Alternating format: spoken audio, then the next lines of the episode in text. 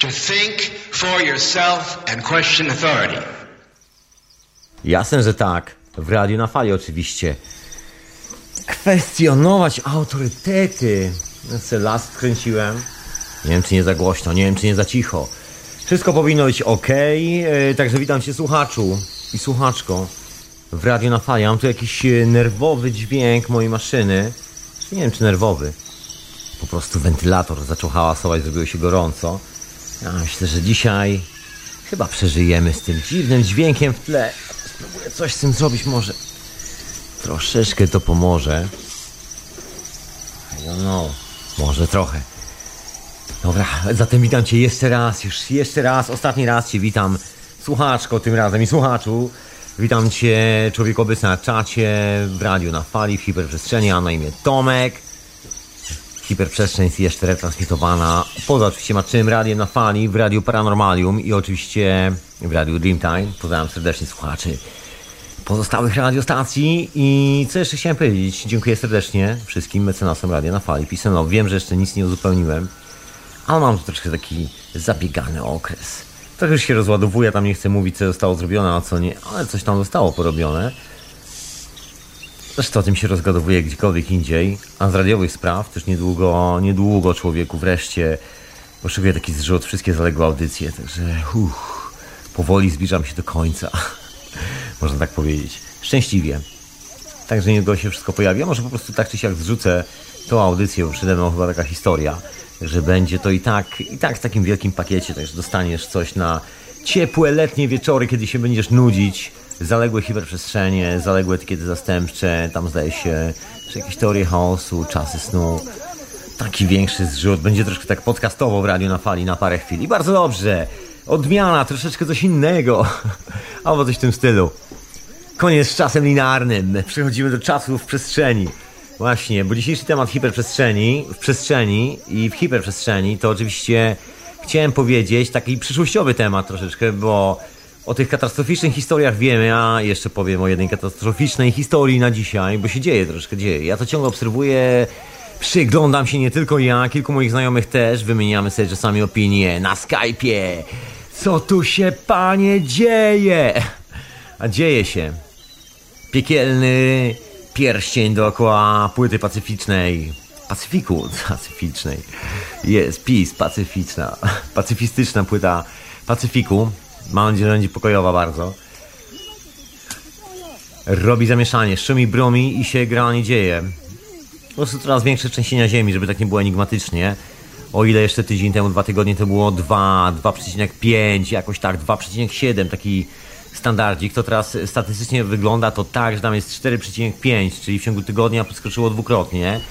Zobaczymy, co się będzie działo dalej. Szczęśliwie zaczyna się lato.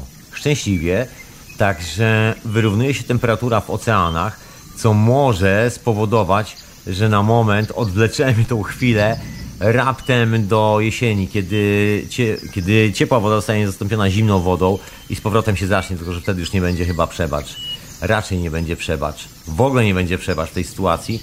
Ale jest jeszcze w ogóle ciekawsza sprawa, bo oczywiście Ziemia zaczęła się trząść w Europie, o czym niewielu ludzi mówi. I w ogóle gazety jakoś tak nie piszą. We Francji się trzęsła, na Słowacji się trzęsła, w Polsce się trzęsła ziemia, w Niemczech się trzęsła ziemia, w kilku miejscach, tak się trzęsła. W Rumunii zaczęła się trząść. Tam niby zawsze się trzęsła, ale jakoś trzęsie się częściej, zdecydowanie. I się okazuje, że problemem nie jest to, że właściwie się ziemia trzęsie w Europie, bo właściwie nie tak za bardzo się nie będzie trząsło. Troszeczkę może gdzieś tam, troszeczkę, bo Europa jest na takiej mocnej kontynentalnej płycie, takiej granitowej, także nie ma z tym żadnego problemu. Wszystko będzie ok, natomiast jedynym problemem są, bo tak czy siak będzie troszeczkę podga, yy, podrygiwało, bym powiedział, są reaktory jądrowe. I aktualnie wygląda na to, że jest duży, poważny, właściwie ciężko powiedzieć jak duży, jak poważny. No generalnie człowieku zostałem cię samego i ciebie dziewczą też samą z tą refleksją, sama sobie wyciągniesz wnioski. Co się dzieje z reaktorem w Belgii? W Belgii jest taki reaktor. Ja to sobie jeszcze otworzę i powiem ci jak on się nazywa i takie tam detale powiem. Żeby nie było, że jestem taki enigmatyczny. Bo oczywiście wszystko jest jak najbardziej do sprawdzenia. W internecie nawet, przede wszystkim w internecie w tym momencie, jeżeli oczywiście nie słuchasz tego offline, gdzieś jadąc samochodem, no to wtedy to poczekaj sekundę, ja tu już troszeczkę ogarniam trochę bardziej niż trochę mniej. I już chyba na to ogarnąłem. To nawet w gazecie ciekawe rzeczy piszą na ten temat. Takie jak Mail Online w Wielkiej Brytanii. Mianowicie chodzi o to, że jest elektrownia jądrowa, która znajduje się w Belgii. Znajduje się troszkę niżej Brukseli, pomiędzy granicą Holandii, Niemiec, a Belgii. Po drugiej stronie jest Francja, troszeczkę na dole jest Luksemburg, poniżej Brukseli. Taka jedna trzecia Belgii od strony Luksemburga. No i miejsce nazywa się, ja nie wiem jak to się poprawnie wymawia, bo to jest jakiś flamandzki dialekt. E, Tingane? Hangane? Tangane. To jest generalnie reaktor jądrowy, po prostu. No i ten reaktor jądrowy w momencie, kiedy był budowany, miał już mocno popękane podstawy, bo okazało się, że no, doszło do korupcyjnej historii podczas budowy tego reaktora, łapówkarstwo, korupcję. No wszędzie na świecie przy dużych pieniądzach e, wszystko wygląda mniej więcej podobnie. Znaczy wszystko mówię, chodzi o obrót finansowy i to, co z tego wynika. Efekt jest taki, że właściwie nikt nie powinien odpalać tego reaktora od samego początku, bo zaraz po sprawdzeniu, po wybudowaniu go okazało się, że podstawy reaktora są lekko popękane, te betonowe podstawy, ale stwierdzono, że się je zapetonuje, wszystko będzie ok. No i zrobiono taki numer, czyli zamiast zamknąć reaktor i skończyć tą całą historię, okazało się, że no cóż, yy, no cóż, cóż tu można powiedzieć? Okazało się dziarsko, że reaktory, właśnie, bo tam jest właśnie, że reaktor powoduje, że to zaczyna pękać jeszcze bardziej. No i historia z tym jest taka, że właściwie reaktor nigdy nie powinien zostać uruchomiony, ale facet, który odpowiadał za budowę tego reaktora, z ramienia firmy, która to budowała, był nadzorcą tej, e, tego całego projektu, Czyli człowiek, który był zamieszany w te łapówkarskie historie, został zaraz po wybudowaniu tego reaktora szefem komisji rządowej, chyba nawet zdaje się europejskiej, czy jakoś tak, nie wiem czy europejskiej, ale na pewno rządowej, belgijskiej do spraw bezpieczeństwa nuklearnego. Także ręka rękę myje. Nic nie wyszło na jaw. Poza tym, że oczywiście ludzie w branży widzieli, że ten reaktor jest w stanie koszmarnym. No i jakiś czas temu stwierdzono, że właściwie będą go wyłączać. No i teoretycznie go tam wyłączają, przynajmniej taka jest oficjalna opinia. Tam troszeczkę go wyłączają, na pewno się starają, ale wyłączenie reaktora nie trwa 5 minut, tylko tam parę lat, zdaje się, albo jeszcze gorzej. Właściwie o tyle, ile jest nowy, to jeszcze pewnie można coś próbować robić. Chociaż taki. Ach, taki reaktor jest w sumie mówiąc szczerze nieprzewidywalny, bo pewnego razu, parę lat temu, w pewnym miasteczku na Ukrainie, Czernobyl, wydarzyła się podobna historia. Panowie ćwiczyli tylko tryby takie bezpieczeństwa i przez przypadek wyłączyli reaktor, że tak go włączyli z powrotem, że wszystko zmiotło dookoła. Troszeczkę chmura przeleciała nad Polskę. No i aktualnie wygląda bardzo podobnie z reaktorem w Holandii, znaczy nie w Holandii, w Belgii, że reaktor jest cały popękany i te dodatkowe trzęsienia ziemi spowodowały, że on jeszcze sobie tak chrup, chrup jeszcze bardziej. No i jest troszkę problem z tym, co zrobić. Wszystkim mieszkańcom Belgii oraz Holandii rząd wysyła kopertach tabletki jodu i szykuje się na taką sytuację. Oficjalnie rząd Holandii wydał takie oświadczenie, że to na wypadek, gdyby na przykład woda morska, jakaś duża fala zalała jakąś instalację nuklearną na wybrzeżu, coś takiego. No a reszta krajów, tak jak Belgia i tak jak pozostałe, czyli Francja, Anglia i podejrzewam Polska, tutaj montują taki numer, żeby tam powiedzieć ludziom, że to terroryści będą atakowali, żeby się przyzwyczaić, bo terroryści mają w planie teraz zniszczyć wszystkie nuklearne instalacje w Europie, bo po prostu mają taki nuklearny pomysł na nuklearny atak na całą Euro Europę. No jest to dosyć zabawne, bo właściwie do reaktora nie da się za bardzo podejść tak normalnie, nawet do, do jego ściany. Wszystko jest mocno radioaktywne przede wszystkim. To jest jedna rzecz. Druga rzecz to to, że tam się po prostu nie da wejść, bo trzeba przejść przez tak specjalne bramki bezpieczeństwa w ogóle i tak dalej, i tak dalej. Tam się w ogóle raczej nie wchodzi. Są tego typu miejsca. Taka jedna ściana to jest tak 2 metry betonu. Gdyby tak zebrać tego wszystkiego razem, tak może wyjdzie jak z 15 metrów betonu. Jak sobie pomyśleć, że taki taki koleżka z plecakiem ładunków wybuchowych chciałby wysadzić ścianę od reaktora albo wzruszyć go w jakikolwiek sposób, to jest raczej niemożliwe, bo reaktor jest tak konstruowany, że ma dodatkowe wzmocnienia na wypadek właśnie eksplozji od wewnątrz, od zewnątrz, po prostu, bo tam jest ciągle eksplozja, taka jest prawda. Chodzący nuklearny reaktor to jest po prostu kontrolowana wielka eksplozja. Tak jakby ktoś wrzucał co chwilę, nie wiem, setki, no nie może ładunków jakiś senteksu do jednej komory i wysadzał w powietrze i produkował z tego coś tam. No to taki ładunek senteksu, malutki, który jest niczym takie wiosenne dmuchnięcie, to raczej no może tylko osmalić ścianę troszeczkę i rozmazać tego człowieka, który z tym plecakiem podbiegł pod tą ścianę. To taka, taka ciężarówka za bardzo ładunków wybuchowych tutaj nie pomogła. No ale robić taką atmosferę, że to terroryści i tak dalej, i tak dalej. Ja zawsze tutaj w takich sytuacjach, no może nie tyle, że bierzę spisek, ale mam takie podejście, ach, śmierdzi to troszeczkę tym, jakoby dżentelmeni chcieli uniknąć kompletnie odpowiedzialności za swoje czyny i kiedy coś pieprznie, to oczywiście wszystkiemu winni są terroryści, oni wtedy w helikopter i tam, gdzie nie ma skażonej ziemi, albo coś takiego, uciekajmy, kolega ostatnio był zniesmaczony, bo kolega, kolega był zorientowany w kręgach wojskowych i kolega, no wcale się nie dziwi, ja też granie, znaczy może nie tyle by nie byłem zniesmaczony, ile, ile właściwie stwierdziłem, że no cóż, niedaleko jabłko od jabłoni, gdyż kolega dostał taki news gdzieś tam, e, gdzieś tam dostał, że wypłynęły dokumenty i, i tam zobaczył te dokumenty, kawałek zdaje się na temat, co się stanie, gdy na przykład w kraju takim jak Polska wybuchnie wojna, stanie się w ogóle wydarzy jakiś konflikt, cokolwiek, po prostu coś się wydarzy, coś, co będzie musiało zaobserwować dowództwo armii.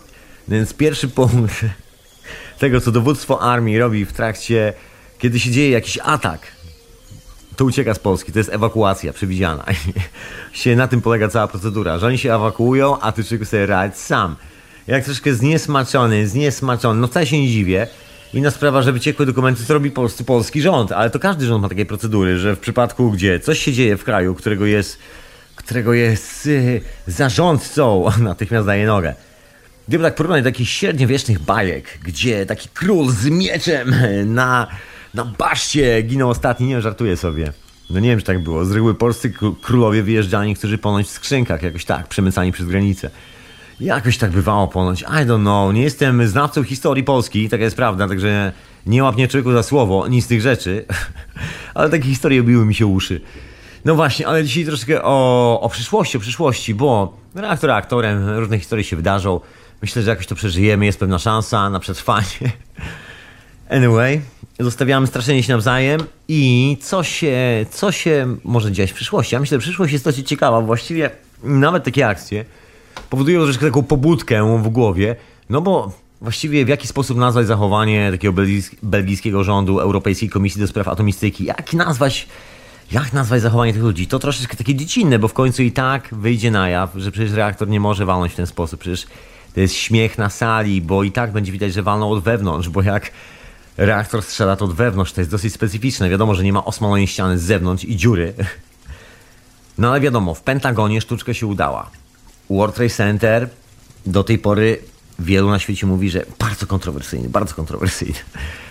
I don't know. Czasami człowiek się zastanawia, czy w dzisiejszych czasach inteligencja, po prostu inteligencja nie stała się czymś bardzo kontrowersyjnym, taka zwyczajna inteligencja. Mam nadzieję, że nie. Właśnie, bo to jak jeszcze katastroficznie troszkę pojadę, bo w sumie jest to związane z przyszłością. No bo co nas czeka? Aktualnie zaczyna się już troszkę głośniej mówić o pewnych rzeczach, nawet... Yy, tak śmiało głośniej bym powiedział. O czym ja w ogóle mówię w tym momencie? Po angielsku tytuł artykułu brzmi Watch the big one on the San Andreas fault would feel like... No właśnie, wygląda na to, że uskok San Andreas bardzo niebezpiecznie się przesuwa. To jest taki uskok związany właśnie z tą płytą dookoła Pacyfiku, wiesz, Ring of Fire, Love is Sweet. Y, I generalnie wygląda na to, że ta Love, która jest sweet, spowoduje, że troszkę się przesunie Kalifornia. No generalnie już tak nawet w oficjalnych gazetach nikt tam nie ucieka od tematu, znaczy nie ucieka od tematu. No i są zdjęcia i tak dalej, są w ogóle wszystkie te rzeczy. Ja tu może wkleję na czata. Zobaczysz sobie człowieku, jak to wygląda, jeżeli jesteś na czacie Radia na Fali. Dosyć, że tak powiem, solidnie wygląda, bym powiedział. Ach, wkleiłem zatem. Troszkę się post postraszę. Uuu, uuu. No właśnie. No ale co dalej, co dalej, człowieku, kiedy, kiedy ziemia drży pod stopami, kiedy ziemia drży pod stopami, pewnego dnia przestanie drzeć, się drzeć i drżeć. No i zrobi się troszkę inaczej. A myślę, że tak czy siak naturalnie zmierzamy w tym normalnym kierunku, bo w dzisiejszych czasach żyjemy w czasach, o właśnie, ja tu nieustannie to powtarzam i powtórzę jeszcze raz, a co, stać mi na to. W czasach tak zwanej katastrofy, którą nazywamy cywilizacją. Niektórzy mówią, że kontrolowanej katastrofy. Ja z tą kontrolą tej katastrofy, to tak bardzo dyskusyjnie bym podchodził. Nie wiem, kto tu co, co i kto kontroluje. Jako, że mieszkam sobie w Londynie, na południu Londynu, ostatnio były wybory. Nie poszedłem na wybory, absolutnie zapomnij człowieku. Nie uczestniczę w tej farsie. Wybory były na mera tego miasta. Zdaje się. Ja nawet tego nie śledzę. Ale rozmawiałem tutaj e, z sąsiadem, także och, jednym i drugim, you know, człowieku. No i sobie pogadaliśmy się, dowiedziałem troszkę, bo wypytałem się trochę o historię. No w każdym razie, mniejsza o to. O te całe polityczne zamieszanie. W każdym razie jeden z kandydatów, koleżka, który jest takim multimiliarderem, nie pomnę jego nazwiska, też mniejsza o duperele, i tak nie jest tego wart. Gdzie to było? W Grecji? Czy gdzieś tak? W Aleksandrii koleś, który spalił bibliotekę aleksandryjską, notabene, wyznawca bardzo dziwnej ortodoksyjnej sekty zwanej chrześcijanami, żeby było zabawniej. Oczywiście ten gentleman został skazany na coś takiego, na takie potępienie, że jego imienia nie zapisano nigdzie, że jego imię było wymazane z kart historii. W ogóle nie ma takiego imienia.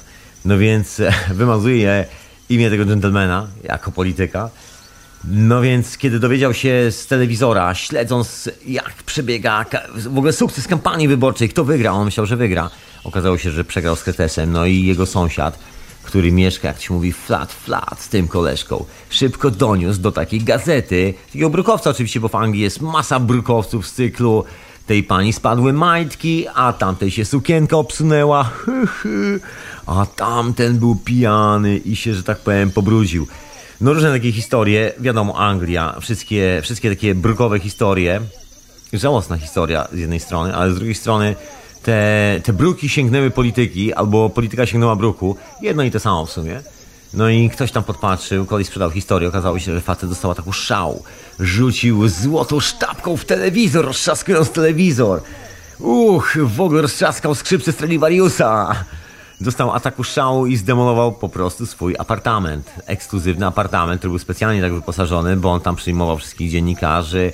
To był jako taki wyborczy apartament. Wyprosił wszystkich i zrobił taką rock'n'rollową demolkę. Jimi Hendrix na scenie. Przepraszam bardzo. No w każdym razie historia taka dosyć zabawna. Widać jak to się, jak to się fajnie zakręca że chłopaki sobie nie dają rady. Nie wiem jak dziewczyny, bo na razie nie słyszałem żadnej historii o takiej dziewczynie, żeby zdemolowała sobie apartment, ale też y, w gruncie rzeczy nie śledzę newsów z polityki, także nawet nie wiem, czy, czy coś się takiego mogło wydarzyć. Czy się w ogóle dzieje, czy są jakieś dziewczyny w świecie polityki. Co to jest w ogóle świat polityki? Ja myślę, że przyszłość jest właśnie związana z tym, że świat polityki odparuje. Absolutnie. Bo przecież widać, jaką dysfunkcję to reprezentuje sobą. Oczywiście, jak na ironię, te wszystkie katastroficzne historie mają tu, myślę, dosyć kluczowy charakter. Bo te trzęsienia ziemi mają pewien aspekt, który oczywiście można powiedzieć jest głęboko dyskutowalny. Jest to historia naukowa, nie wszyscy się z tym zgadzają. Jest masę kontrowersji. Świat nauki nie wie, jak do tego podejść. Ludzie światli łapią się za głowy i wyrywają sobie włosy.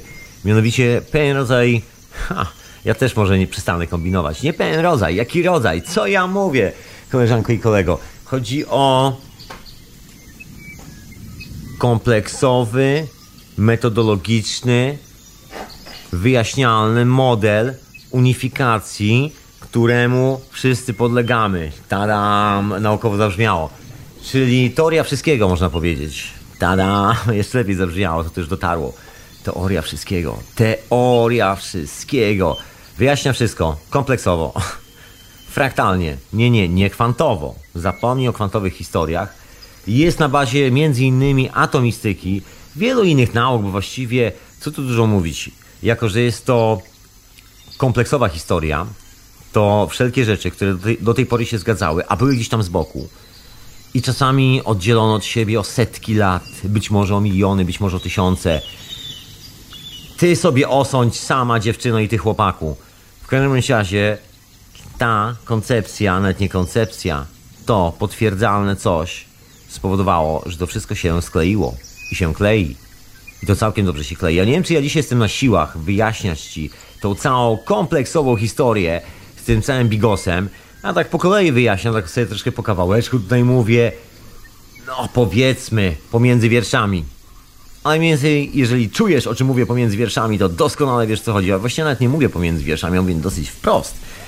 I to nawet jest łatwiejsze do zrozumienia, o czym ja właściwie tutaj mówię. Ta kompleksowa teoria jest związana właśnie z siłą, plazmą. Ja się silę troszeczkę na to. Nie z plazmą, grawitacyjno-magnetyczną historią i w ogóle do tego się jeszcze klei kawał alchemii, to taki poważny kawał alchemii, bo to jest ta alchemia, która w rzeczywistości stanowi podstawy nauki zwanej chemią. Ja nie mówię o takiej alchemii czary-mary, tam wiesz, jednorożec z tęczowymi skrzydłami, różowy, który kopytkiem stuka i krzesa iskierki. Nie mówię o tej alchemii. Nie, nie, nic z tych rzeczy. Mówię o po poważnych pracach naukowych, bo kilka rzeczy tu się wydarzyło takich, że to się w głowie nie mieści. Ja ciągle nawiązuję do tej, można powiedzieć, praskiej szkoły alchemicznej, hermetycznej, bo była taka wiedza w Europie, była taka wiedza i ślady tej wiedzy są. Kiedyś wspominałem, ale dzisiaj też muszę wspomnieć o tym, bo ciągle mi to chodzi po głowie.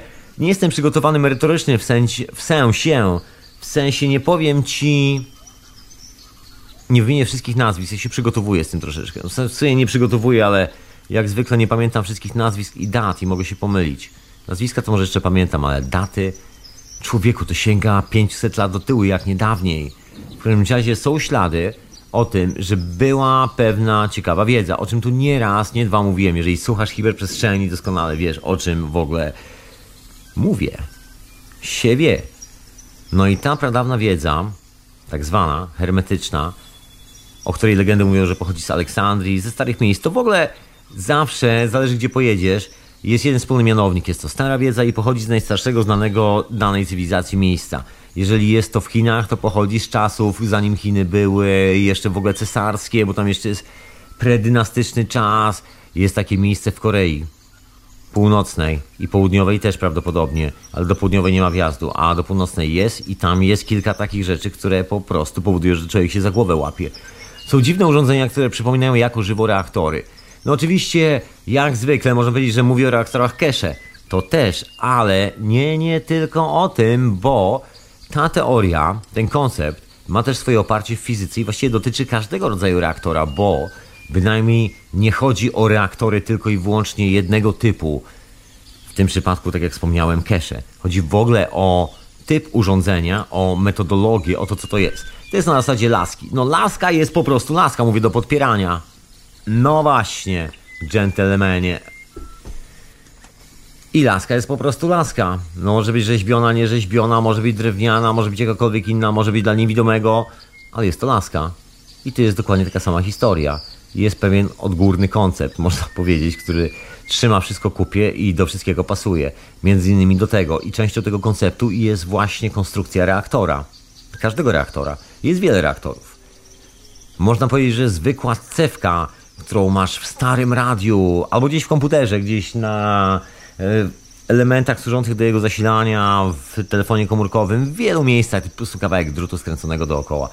Sprężynkę, po prostu cewka. To jest już pierwszy reaktor. Poniekąd.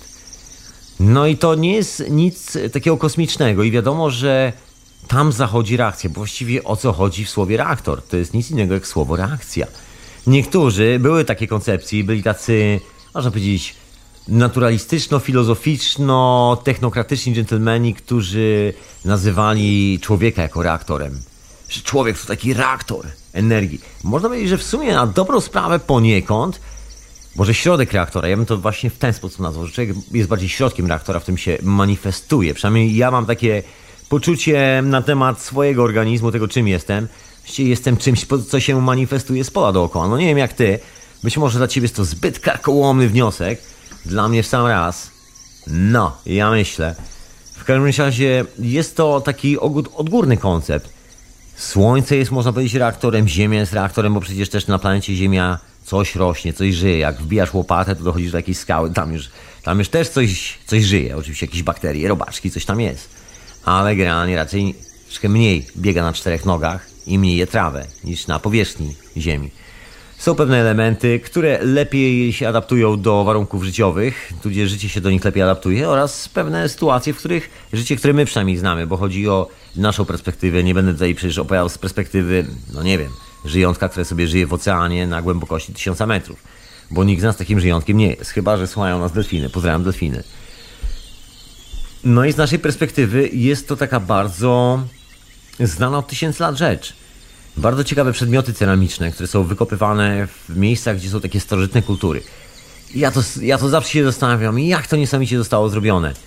Chodzę sobie czasami do British Museum. To jest troszkę z jednej strony radość, z drugiej strony przekleństwo sytuacji, kiedy mieszkasz w mieście, które nazywa się Londyn, albo mieszkasz w Paryżu, albo mieszkasz w Berlinie, albo mieszkasz w Brukseli, albo mieszkasz w Rzymie, w Barcelonie, gdziekolwiek, po prostu w każdym dużym mieście, na przykład w Europie, które ma status turystyczny. Taki, że wiesz, fajnie jest cię odwiedzić, fajnie jest pozwiedzać, przy czym jest to bardzo miła rzecz oczywiście. No i z tej okazji, że przyjaciele czasami wpadają w odwiedziny, co jest bardzo miłe, to z tej okazji, że jest to duże miasto, łatwo jest tu dotrzeć, poszlak komunikacyjny jest stosunkowo utarty, przetarty i nie ma z tym problemu, to to z moimi przyjaciółmi czasami wybieram się na szlajkę po muzeach. Zresztą czasami robię też to samodzielnie. Takie mam zrywy. Jak mam taką okazję, że wracam sobie gdzieś przez centrum miasta, jest trochę czasu z południe, nigdzie mi się już nie śpieszy, to oczywiście po drodze odwiedzę sobie jakieś fajne miejsce. Można sobie tam wpaść na kawkę. W niektórych miejscach są całkiem fajne, fajne kawki, bym powiedział, bardzo smaczne. W ciastka i takie historie to bym raczej tam nie wierzył, bo to wszystko odpalane z takich kuchenek mikrofalowych, ale kawka jeszcze tam daje radę. Można się troszkę poturlać po tych korytarzach. Czasami jest dużo turystów, jest to troszeczkę uciążliwe, ale czasami na przykład wieczorem, kiedy jest troszeczkę pusto, jest całkiem miło, jest troszkę spokojniej. No i można zobaczyć sobie szczególnie w działach archeologicznych, cywilizacyjnych, kulturowych, takie bardzo ciekawe ceramiczne historie. Znaczy, mówię historie, bo ciężko nazwać to albo wazonem, albo kubkiem, albo jakimkolwiek urządzeniem, które nadawałoby się do czegoś. Są to z reguły pojemniki składające się z e, dwóch elementów, można powiedzieć, jakby garnek wpuszczony w garnek, takie podwójne. Jest taka kolekcja narzędzi alchemicznych. Kurczę, mam tu gdzieś książkę o narzędziach alchemicznych, właśnie, ale dałem ciapu, nie ją w ogóle wziąć, bo to jest w ogóle ciekawa historia. Chyba zaraz gdzieś tutaj poszukam i wytrzasnę i i zaraz tam rzucę okiem, jak to wygląda, bo w e, narzędziach alchemicznych są, e, proszę Państwa, takie historie. I to nie jest wcale żaden dowcip. Tam każde, no może nie tyle narzędzie, ile zbiorniczek, chociaż no, nie wiem jak to nazwać. No tak, narzędzie, no dobra, szklane karawki i tak dalej. Wszystko ma swoją specjalną nazwę. Jeden się nazywa bocian, bo na przykład przenosi coś, czy destyluje jakoś tak. Z, I don't know. Wszystko ma swoje ja nie jestem takim ekspertem od alchemii w każdym razie. Znaczy mam książki na ten temat, także teoretycznie zawsze mogę nauczyć się na pamięć i zostać tym ekspertem. Ale mam książkę, to jak potrzebuję, to przeczytam. Także zaraz sobie sięgnę i przeczytam, tak żeby nie udawać, że wszystko wiem. No i tam, z tego co pamiętam, właśnie są takie dziwne konotacje, że na przykład to się wiąże z tym, to się wiąże z tamtym. Radio na fali, hiperprzestrzeń człowieku. Hiperprzestrzeń, jak gdyby nigdy nic. Ja to sobie popijam herbatę i się zastanawiam troszeczkę. Mam książeczkę na temat alchemicznej kuchni. Mmm, dobra herbata. No jest to bardzo ciekawa publikacja, bo właściwie tu dużo mówić. Jeżeli człowiek się przyjdzie, przyjrzy, jeżeli człowiekowi przyjdzie, przyjdzie się przyjrzeć alchemii, to co, co widzisz człowieku? Co widzisz? Pierwszy, ja tak rozdziałami, tytułami, bo to jest w ogóle doskonała, myślę, ilustracja historii. Nie będę czytał tej książki, przecież tłumaczył z angielskiego teraz na polski, teraz online. Czy na żywca. The Secret, co ja mówię? Secret Art, czyli tajemna szkoła produkcji złota. Istoty z innego wymiaru, czyli kontakt właściwie z początkiem, samym początkiem można powiedzieć. Ogień i metal, pryncypia życia,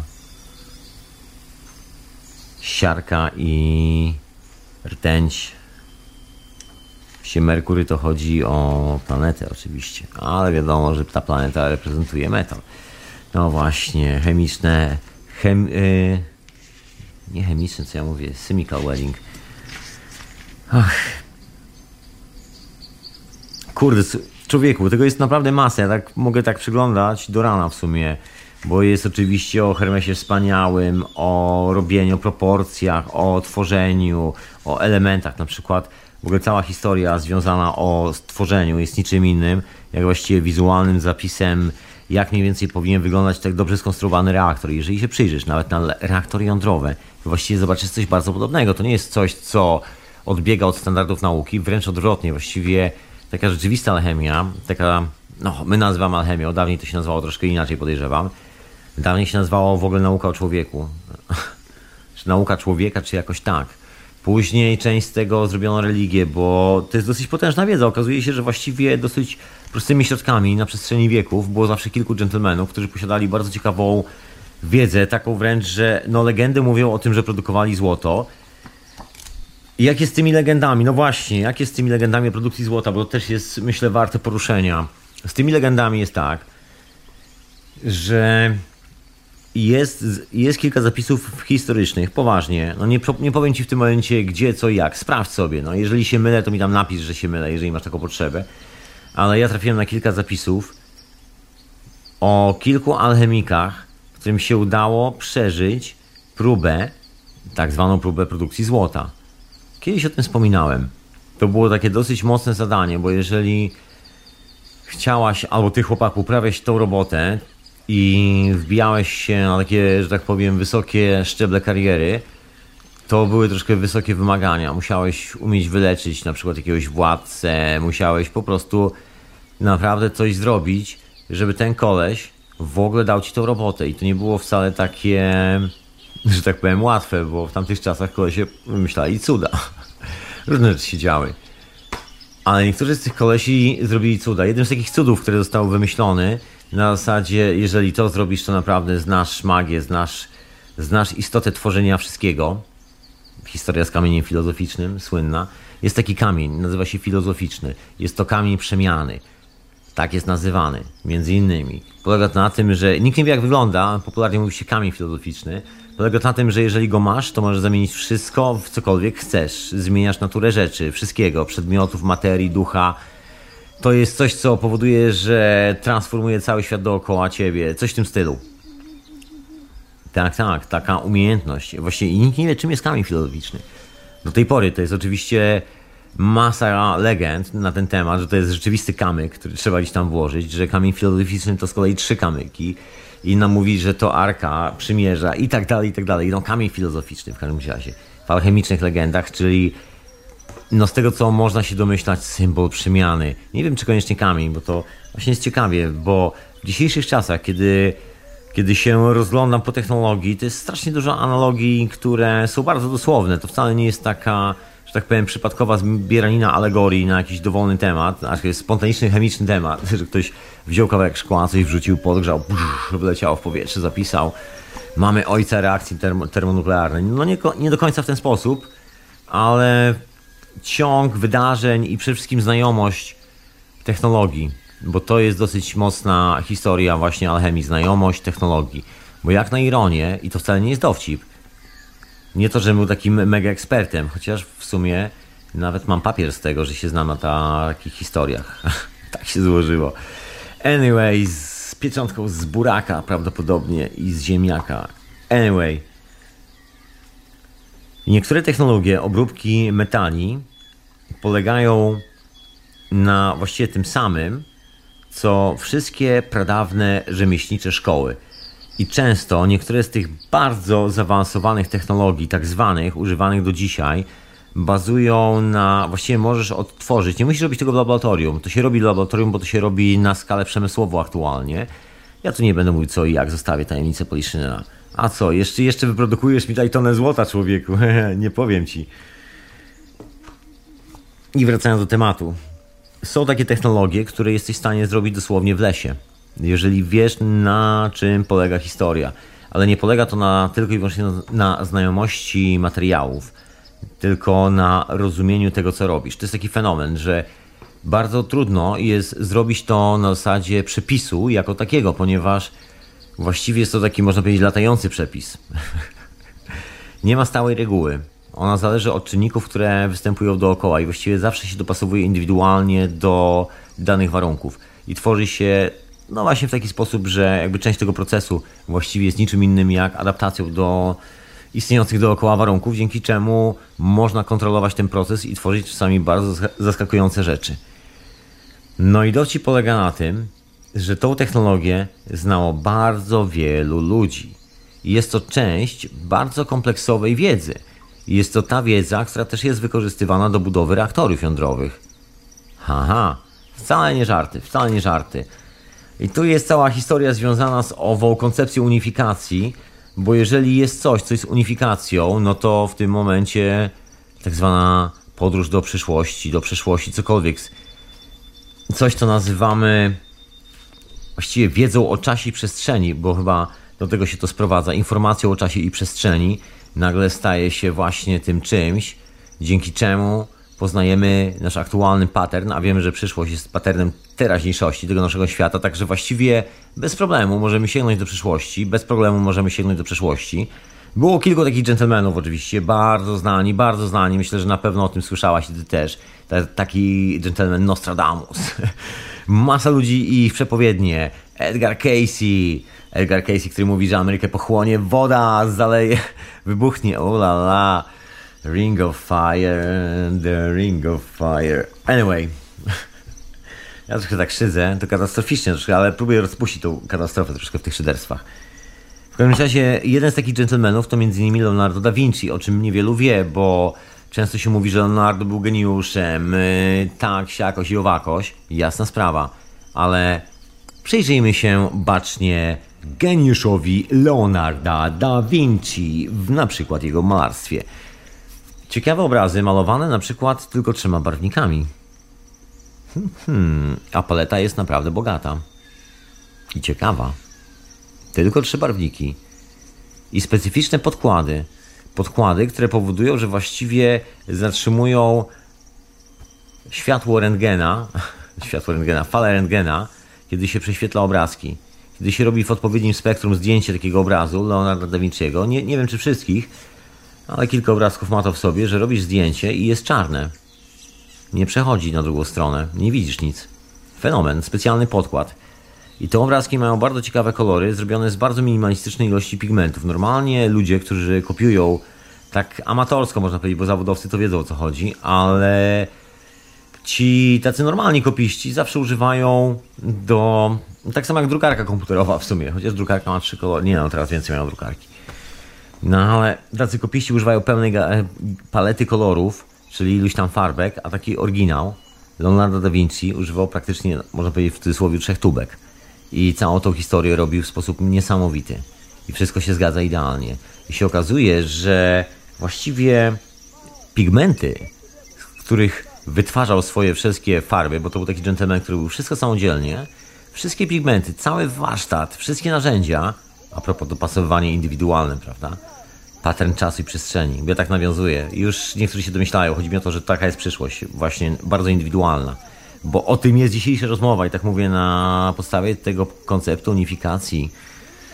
I właśnie zawartość tych pigmentów zdradza jego nieprzeciętną wiedzę. Wi wiadomo, że był Katarem, czyli pochodził z tak zwanych heretyków, których wyrżnięto w Europie. Niektórych ocalono, niektórzy posiadali taką wiedzę, że wszyscy na kolanach klękali, nawet królowie. Tam nie było problemu z tym, żeby zostawić tego dżentelmena. On tam czasami musiał jakieś bronie powymyślać, królowi podesłać, że niby się martwi jego e, królestwo. Z reguły było tak zaprojektowane, że żadnego króla nie było stać na wybudowanie takiej maszyny, także wszystko było ok. Ale geniusz był, nie można było zaprzeczyć, że maszyna jest trafna, celna i doskonale zmontowana i król powinien z niej skorzystać. Także Krzywdy zrobić człowiekowi nie można było. Zapłacić trzeba było za robotę, bo maszyna jak najbardziej działa. Wszystkie modele działały. A to, że nie było kasy na produkcję, a to już nie jego sprawa. Szczęśliwie były to czasy, kiedy można było za pomocą bardzo cwanej sztuczki związanej z budżetem na produkcję takiego urządzenia uwalić produkcję takiego urządzenia, jeżeli ktokolwiek miał problemy z tym, że koniecznie chciał komuś spuścić łomot i potrzebował do, do tego maszyny. Można było tą maszynę tak zaprojektować. Dzisiaj się bardziej projektuje maszyny tak, żeby użytkownik dostał łomot, czyli żeby maszyna wysiadła szybciej niż. E, no właściwie może tak tydzień po gwarancji, o dokładnie, żeby nie było opcji, że, że zbyt długo używa urządzenia. Tak już się uczy ludzi na studiach aktualnie, jak projektować procesory, wytrzymywały określoną ilość czasu. Później dokładnie ten sam okres czasu widnieje w umowie gwarancyjnej. To jakoś tak się porobiło, ale chyba wszyscy o tym doskonale wiem. Wracając do Leonarda, te trzy barwniki to nic innego jak właściwie reaktory. Tadam! Zagadka odkryta. Są to bardzo dziwne, można powiedzieć tak w cudzysłowie dziwne, jeżeli się człowiek na tym nie zna, bardzo ciekawe mieszanki barwników roślinnych. Olei roślinnych, minerałów, ale naprawdę bardzo intrygujące. Są tam kawałki metali, Aha, i to takie właśnie robione podczas różnych stanów oksydacji, kiedy to właściwie jest taki metal, który ma swoje unikatowe właściwości.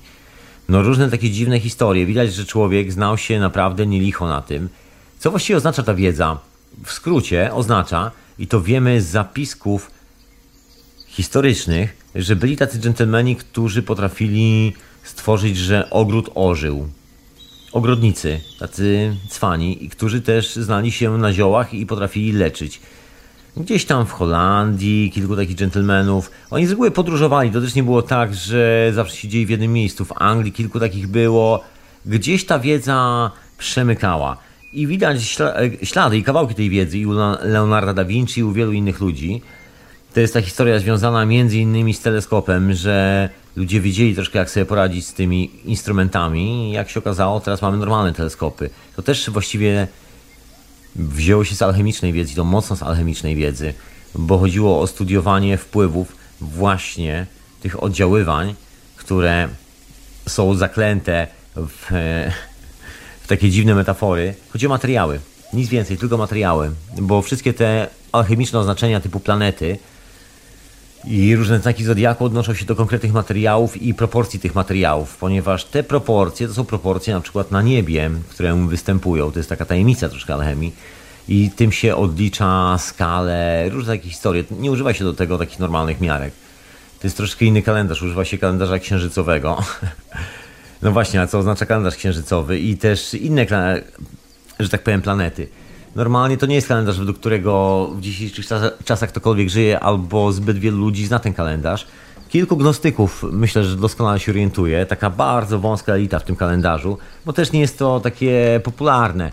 Troszeczkę ludzi studiujących pracę Rudolfa Steinera zna się na rzeczy, bo to taki gentleman, który 200 lat temu wziął się za bary, ale od takiej strony naukowej, taki troszeczkę, można powiedzieć, przed Teslą, tylko że naturalista, może taki bardziej Wiktor Schauberger, i troszeczkę. Tylko, że bez wirów, ale, ale też z osiągnięciami bardzo ciekawymi.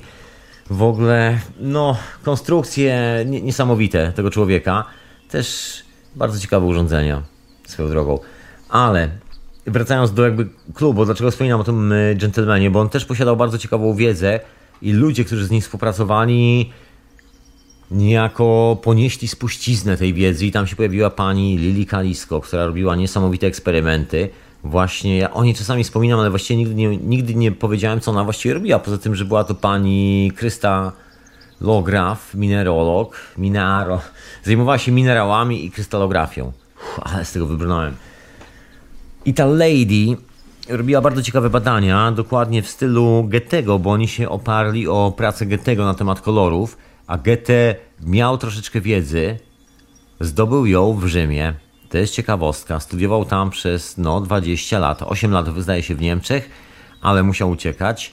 Tam oczywiście powody ucieczki są różne. W rzeczywistości w kronikach zostało zapisane historia, można powiedzieć, polityczno-romantyczna. O. A uciekł przed małżeństwem, zdaje się, też między innymi, jakoś tak. Jednej nocy wyjechał do Rzymu. Coś w tym stylu.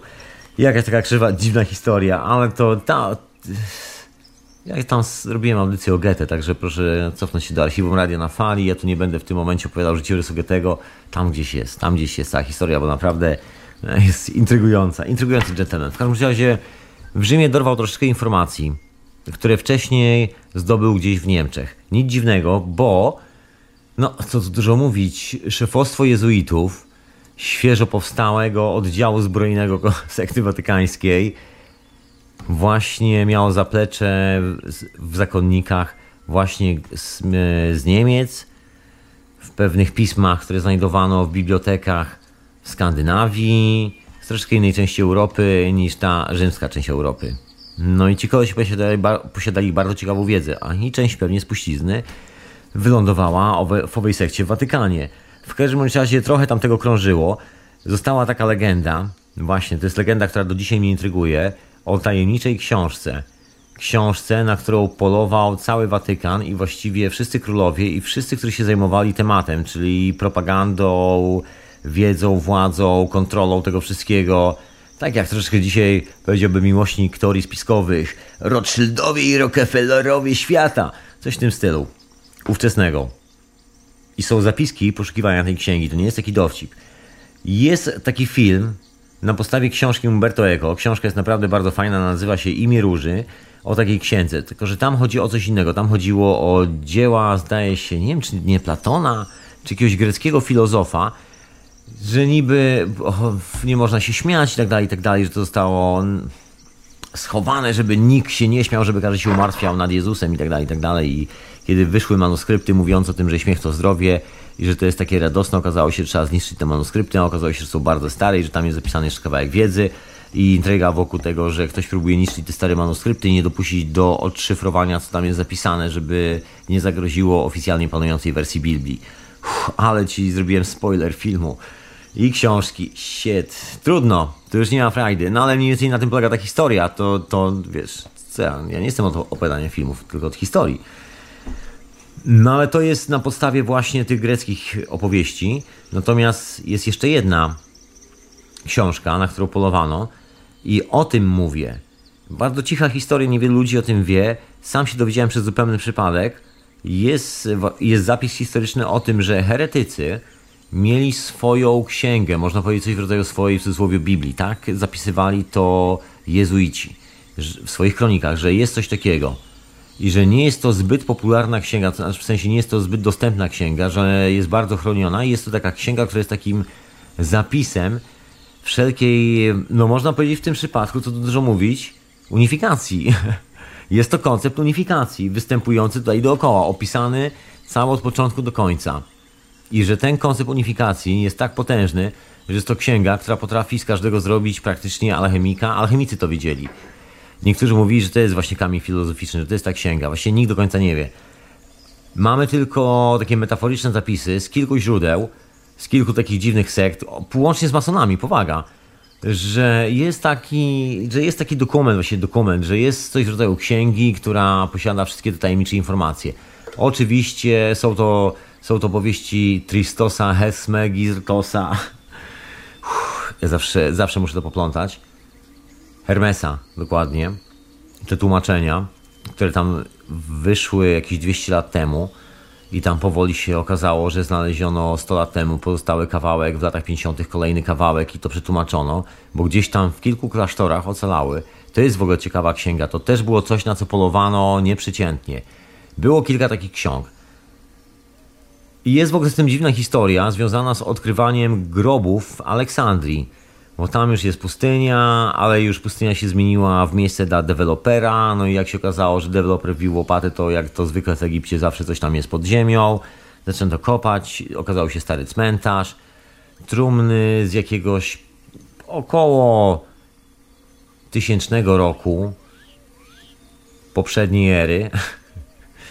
I w trumnie razem z gentlemanem manuskrypty. I się okazuje gnostyckie manuskrypty. Hmm, hmm. Świadczy to tylko tyle, że było to tak ryzykowne, że jak kolej zmarł i znaleziono przy nim manuskrypty, to w cichości chowano kolesia z manuskryptami. I faktycznie są takie zapisy historyczne, mówiące o zasadach prawnych, które były wtedy w Aleksandrii, które wprowadził król i sekta, która tam się znajdowała, która miała swojego biskupa. No, no, no, dokładnie kojarzę tą sektę, zanim jeszcze lądowali w Watykanie. No i się okazuje, że no, oni jeszcze nie wiedzieli, jacy oni są. Po prostu była taka sekta, która gnoiła gnostyków konkretnie. I to w taki radosny sposób, że właściwie cała starożytna wiedza była niszczona. Oni wyznawali kult jakiegoś jednego Boga. Właśnie na początku było coś w rodzaju w rodzaju takiego jest taka religia, do, do tej pory istnieje. Zarutas, e, Zaratustra. Zaratustrianizm, dokładnie. Coś na tej postawie. I oni byli tacy fikśnięci na tym punkcie. No ale za to byli bardzo agresywni. Chodziło, chodziło o władzę, wojsko. Takie czasy. Wiesz, czasami tak bywa. Zresztą gdzie my żyjemy? O czym ja w ogóle mówię, prawda? O czym w ogóle rozmawiamy? Jakby nie było strefy gazy, czy co? No właśnie, zawsze, zawsze jest jakiś cwaniak i kilku cwaniaków tam razem z nim się sklei i jakieś takie dziwne, krzywe historie. W każdym razie, w każdym razie zrobiono taką krzyw, krzywą historię, że jeżeli złapano cię z takim papierem, to generalnie palono cię z tym papierkiem albo krzyżowano cię z tym papierkiem, bo krzyżowanie nie było takie wcale, że tak powiem, egzotyczne i tylko w jednym miejscu dookoła bas basenu Morza Śródziemnego. Krzyżowanie było dosyć popularne w tamtych czasach. Takie dosyć zjawiskowe, widowiskowe się wydawało niektórym. No i są zapiski historyczne, są ślady, dokumenty. Nie mówi się o tym, że tak powiem, z angielskiego ofen, czyli nagminnie, namiętnie i popularnie, ponieważ to jest taka troszeczkę ach, każdy chciałby o tym zapomnieć, bo tak, takie troszkę zamieszanie, nie wiadomo kto do końca był królem, tam i Rzymianie robili swoje i, i każdy robił swoje, tam te kroniki nie do końca, rzymskie to kroniki to w ogóle takie bajkopisarstwo, że właściwie nie wiadomo o co chodzi, przepisywane przez czterech kolesi, każdy pisał swoją własną wersję, a później jeszcze dwóch innych przepisało od tyłu i podpisało się troszkę inny sposób. I właściwie nikt nie wie kto co, każdy robił swoje, swoje własne błędy. Także to jest to tak przemielone czasami, że głowa boli, głowa boli i głowa mała. No. No i się okazuje, że są jednak takie kroniki, które, od których troszkę mniej głowa boli, gdzie tam troszkę zapisano tych rzeczy. I była taka księga, była taka wiedza, nie wiadomo, bo ja mówię o księdze w tym momencie, ale są ślady czegoś takiego jak takiej kompleksowej wiedzy, że to nie jedna osoba, nie jedna książka, tylko w ogóle było troszkę manuskryptów na ten temat. I ta gnostycka historia jest związana z tą starożytną wiedzą. Nie to, żebym był gnostykiem jakoś specjalnie albo coś w tym stylu, nic z tych rzeczy. Ani tutaj namawiał cię na stanie gnostyczką, dziewczyno, ani ciebie chłopaku. Nie, nie, zapomnij. Po prostu jest taka historia, że wygląda na to, że gnostycy w jakiś tam sposób, zapisując sobie to w metaforyczną jakąś tam postać, później przechodząc, ewoluując w cudzysłowie, to są Katarzy, bo to, są, to jest dokładnie to samo. To jest ta wiedza, która uciekła od Watykanu, uciekła gdzieś tam z Jerozolimy, gdzieś tam z Egiptu, z Aleksandrii, sobie przeszli na drugą stronę, przez Gibraltar, cholera wie, przepłynęli, przepłynęli łódkami do wybrzeży Francji. Tam są w ogóle bardzo ciekawe wykopaliska archeologiczne, o których można się dowiedzieć we Francji, a wykopaliska są bardzo egipskie. Tadam! Zresztą legenda o powstaniu Paryża. O właśnie. To jest ciekawa historia. O tym kiedyś muszę jeszcze raz powiedzieć, bo to jest naprawdę mocna sprawa, mocna sprawa z tym Paryżem. Ale to jest kult solarny. To ja się przygotuję i pewno go nie opowiem. Nie obiecuję, ale będę miał w pamięci. Tymczasem y, są znajdowane takie rzeczy, bo ja tak troszkę do sedna sprawy z tą wiedzą, że ta wiedza kursowała i zawsze gdzieś była. I było kilku książąt, kilka książąt w Europie, którzy kolekcjonowali potężne biblioteki, zatrudniani alchemików, tylko po to, żeby zdobyć tą wiedzę. Niektórzy z nich oszaleli i to nie jest dowcip. No i zostało kilka takich rzeczy. One później wypłynęły. Wiadomo, że było coś takiego, ja zapomniałem wspomnieć. Dziękuję za podpowiedź na czacie. Szmaragdowa tablica oczywiście, też między innymi. No ale to takie pojedyncze dokumenty. Wiadomo, akurat szmaragdowa ta tablica funkcjonowała i była obecna. Było dokładnie trzy egzemplarze. Jedno z, y, dwa egzemplarze w pewnym momencie miał Watykan, zdaje się. Nawet przez moment. Nie? No, jakoś tak. Później się pojawił jeszcze jeden egzemplarz, ale to taka znana historia, którą ludzie znali. Znaczy, ludzie znali. Było może w Europie dosłownie pięć ludzi, którzy wiedzieli o istnieniu w ogóle tej publikacji. I to tylko dopuszczeni przez jezuitów w ogóle wtajemniczeni, że to jezuici powstali, zostali założeni przez faceta, który generalnie przytargał tą książkę do Watykanu w sumie. Na tym polega ten numer. Ale to tylko, to już był zapis, to już było tłumaczenie, może w ten sposób. To był ślad tej oryginalnej książki. To nie jest ta oryginalna książka, jak się okazuje. I ciągle były poszukiwania prowadzone tej tajemniczej książki. Ślad trafia gdzieś tam do Anglii, właściwie nie tyle do Anglii, bo ciężko powiedzieć gdzie. Oczywiście każdy kraj się lubi przyznać do tego. Niemcy, że to u nich, Czesi, że to u nich w Pradze, Anglicy, że to u nich w Londynie, Francuzi, że to u nich. No każdy lubi się przyznać do tego, że to, że to tam, że to u mnie, tutaj. Tu ten gentleman nocował i tu mogę przenocować pana, oczywiście za podwójną cenę, ale musi pan jeszcze dopłacić trzy razy tyle, ponieważ ten gentleman jest bardzo znany. Coś w tym stylu, ale w każdym razie byli kolesie, którzy podróżowali po całej Europie. Między innymi jeden z nich to John Deere. Kiedyś o nim wspominałem. Taki gentleman, który był nadwornym alchemikiem i królewskiej mości Wielkiej Brytanii. God... Oh no... Go away the queen. I... I właśnie...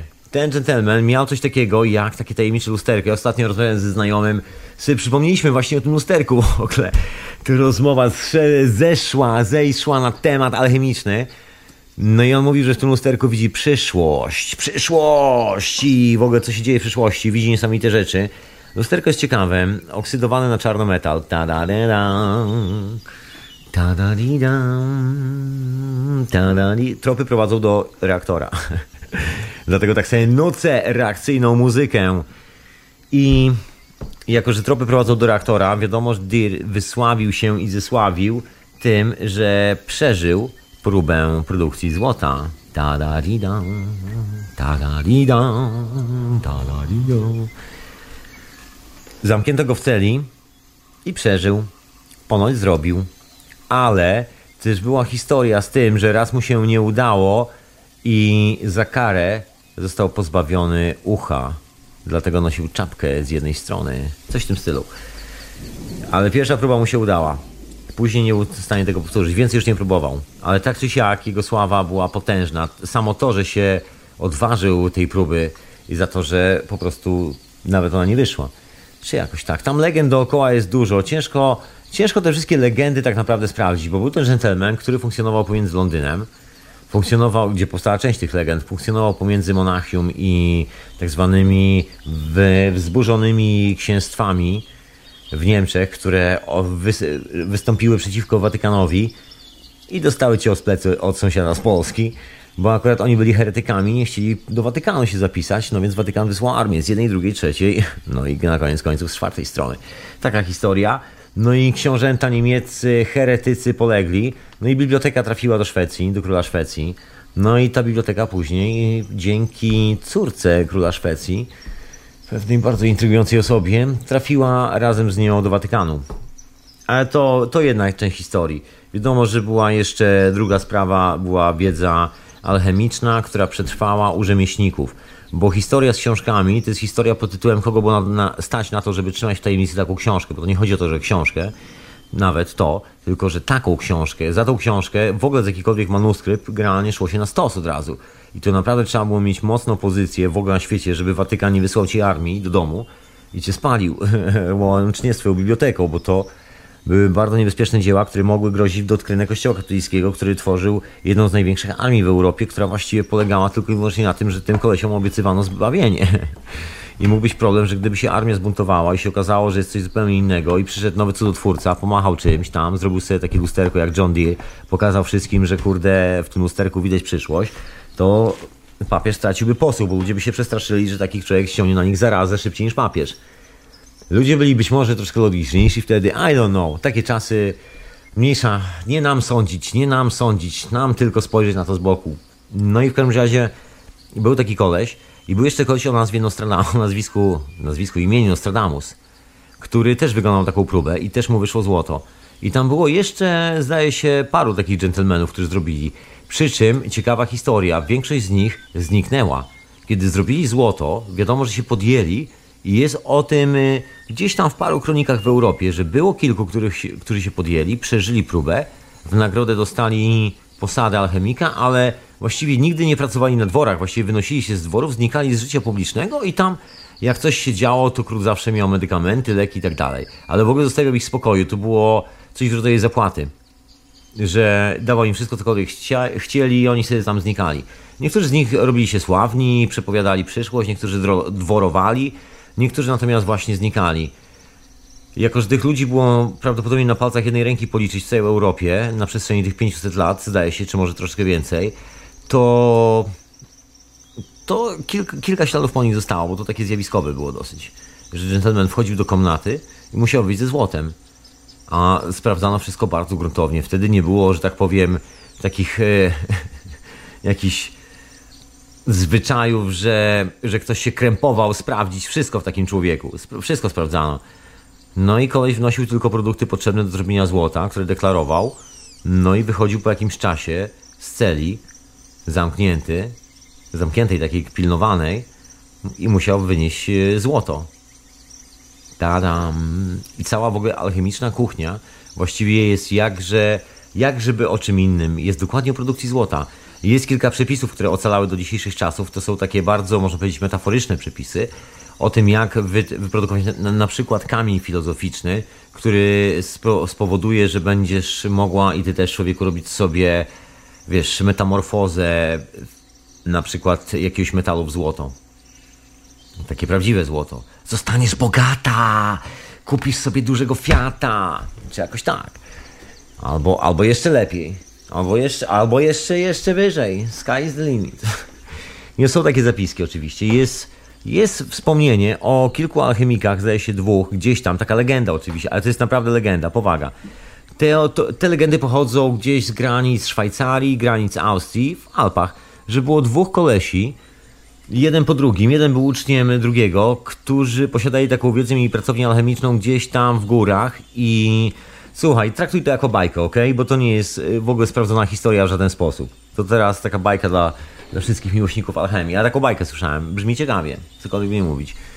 No i koleżka miał wiedzę, bo to bo to jest tak, że alchemik zawsze kształci swojego następcę. No jest troszkę taka, taka hierarchiczna ponoć historia. Nie wiem, jak, nie wiem, jak jest u. Hmm. U gnostyków, bo tam jest też podobna tradycja, że tam jest taka wiedza przekazywana z pokolenia na pokolenie i generalnie zawsze ktoś powinien znaleźć kogoś, komu przekaże całą taką kompleksową e, wiedzę o unifikacji wszystkiego. No ale mniejsza o to. No i ci dżentelmeni mieli i produkowali złoto dla jakiegoś króla na zamówienie za jakieś, za jakieś koszmarne pieniądze, coś takiego, za w ogóle swój status taki, że w ogóle byli nie do ruszenia, ale nikt o nich nie, nie wiedział, byli w takiej troszkę tajemnicy i tam wykonywali różne sztuczki magiczne i że pracowali właśnie na takie potrzeby. I jest taka opowieść. Czy jest prawdą? Nie mam do tego pojęcia. Ciężko to sprawdzić, ale no w każdym razie każda legenda ponoć ma w sobie ziarenko prawdy, czyli coś tym musi być, no bo przecież no jak to tak? No w każdym razie, patrząc na przykład dzieła owego Leonarda da Vinci, można zauważyć, że jest tam kilka trików, których u Michała Anioła nie ma. Michał Anioł ponoć miał taką wiedzę, ale się okazuje, że nie za bardzo, był takim rzemieślnikiem bardziej. Lubił sobie tak konkretnie namalować. Oczywiście ładne malowanie i tak dalej, tak dalej, jeżeli ktoś lubi takie sprawy. Ja nie jestem specjalnym miłośnikiem barokowych historii, ale mniejsza o to. Leonardo w tych swoich pracach kodował potężną wiedzę alchemiczną i teraz, kiedy się już porobiło analizy jego obrazów, bo oczywiście no, są to przedmioty potężnego zainteresowania praktycznie wszystkich placówek badawczych, które tam e, z lubością lubią badać swoje najnowsze urządzenia do detekcji wszystkiego na takich spektakularnych akcjach, jak na przykład współpraca z muzeum, e, jakiejś korporacji przy sprawdzaniu nowego spe spektografu i tak dalej. Nie, bardzo dobrze, to akurat mi się podoba. Jeżeli jest jakaś dobra rola tego całego shitu, to dokładnie to jest to. I bardzo dobrze. W każdym razie okazuje się, że no, skład chemiczny jest tak nietypowy, że co tu dużo mówić, można powiedzieć, że robione dookoła, ale po tylu latach okazało się, że wszystko działa idealnie. I tu wrócę do tej panny o imieniu i nazwisku Lidii Kaliski, która była współpracownicą Rudolfa Steinera i Rudolfa Hauske, też taki koleś, który współpracował z Rudolfem Steinerem. On wymyślił coś takiego, co się nazywa biokultura permakultura i tak dalej. To były podstawy w ogóle tego wszystkiego, takie naukowe. On stworzył jakby taki, nie wiem czy z tego się korzysta w Polsce, ale generalnie to taki pierwszy koleś 200 prawie lat temu, niecałe 200 lat temu stworzył jakby podwaliny pod biodynamikę, dokładnie, tak to się oficjalnie nazywa, biodynamiczna uprawa roślin. No i ta pani zajęła się eksperymentami z kryształami i erozją, można powiedzieć w cudzysłowie, tych kryształów, kiedy zmieniają formę, więc rozpuszczała różne substancje, które mają takie krystaliczne struktury, specjalne mieszanki kwasów, w których rozpuszczała właśnie różne minerały, siarki itd., tak itd., tak metale. Robiła takie specjalne, w cudzysłowie, jeżeli ktoś jest miłośnikiem y, technologii cache, to skojarzy to z czymś takim, co, co, co tam się nazywa solutions. Dokładnie. No i robiła takie substancje i poddawała obserwacji, ustawiając w specjalnych takich tulejach, wszystko było skierowane na konkretne gwiazdy i rejestrowała coś na, na zasadzie rejestrowania obrazu na kliszy, na, na błonie fotograficznej. Jest taki sport dla miłośników fotografii, który się nazywa pinhole camera, czyli kamera z, z, igły, z otworem wielkości takiej szpilki, coś takiego. Szpilkowa kamera, nie wiem jak to przetłumaczyć na polski.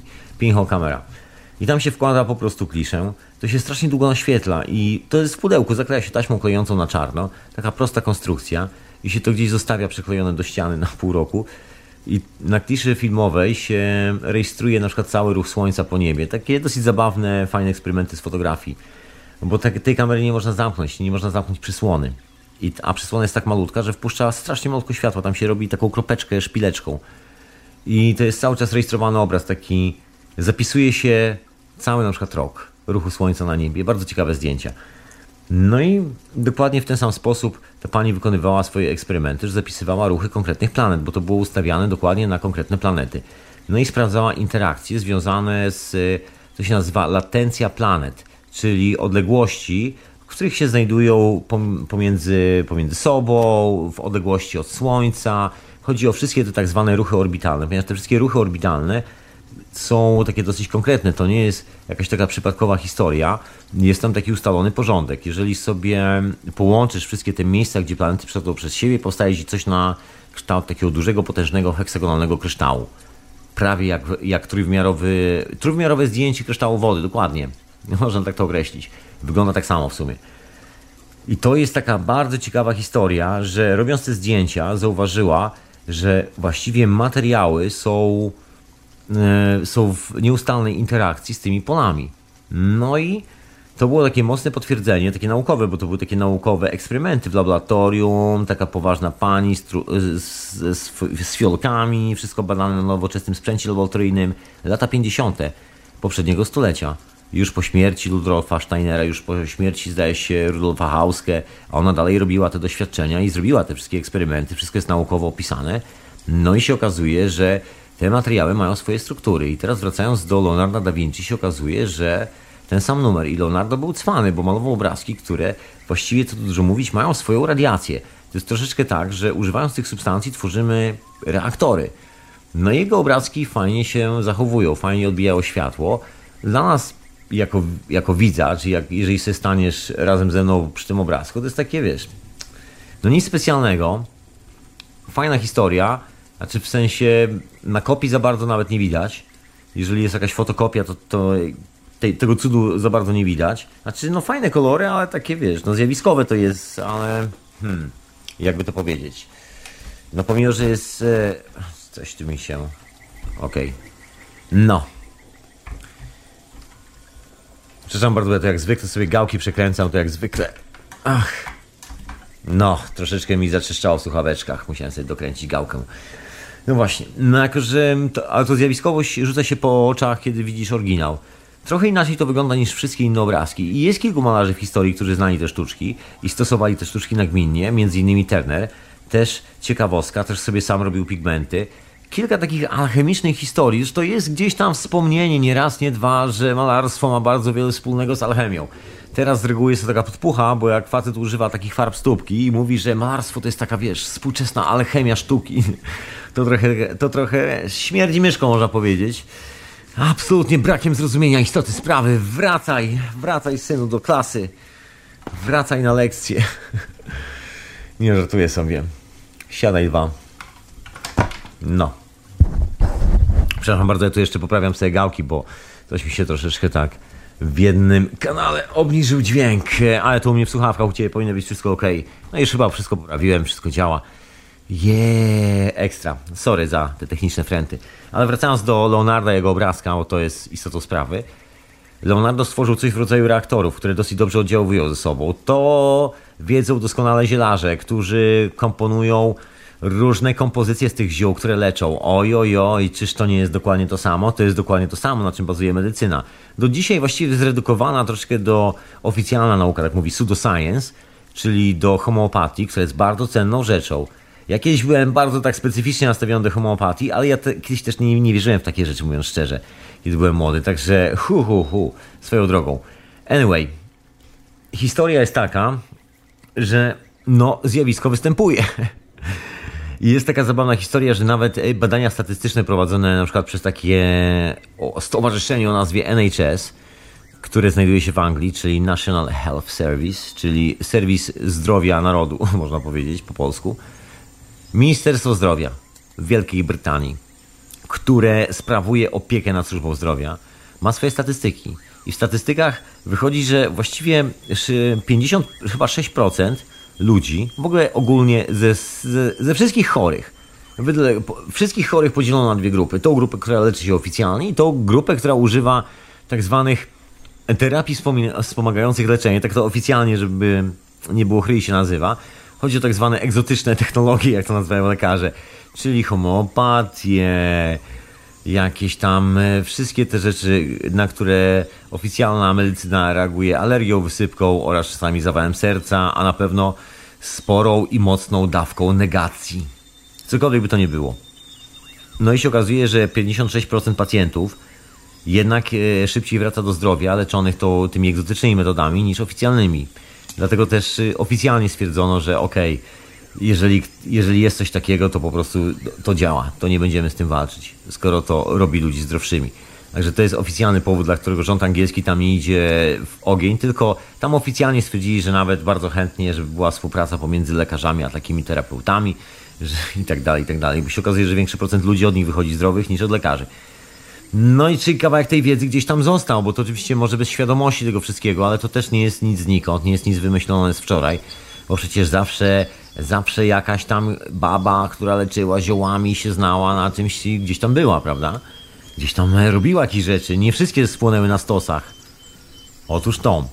Nostradamus był takim ciekawym kolesiem, właśnie, bo to na, na, naprawdę mocno się zawija o rośliny i o coś, co możemy nazwać stan umysłu i tu wyprawy do przyszłości i przeszłości, bo Nostradamus był takim koleżką we wspomnieniach po nim, a wspomnieniach, może ambitnie powiedziane, też legendy w sumie nie wiadomo w jakim stopniu, jak dużo, jak mało. Kto wie, kto wie jak to było.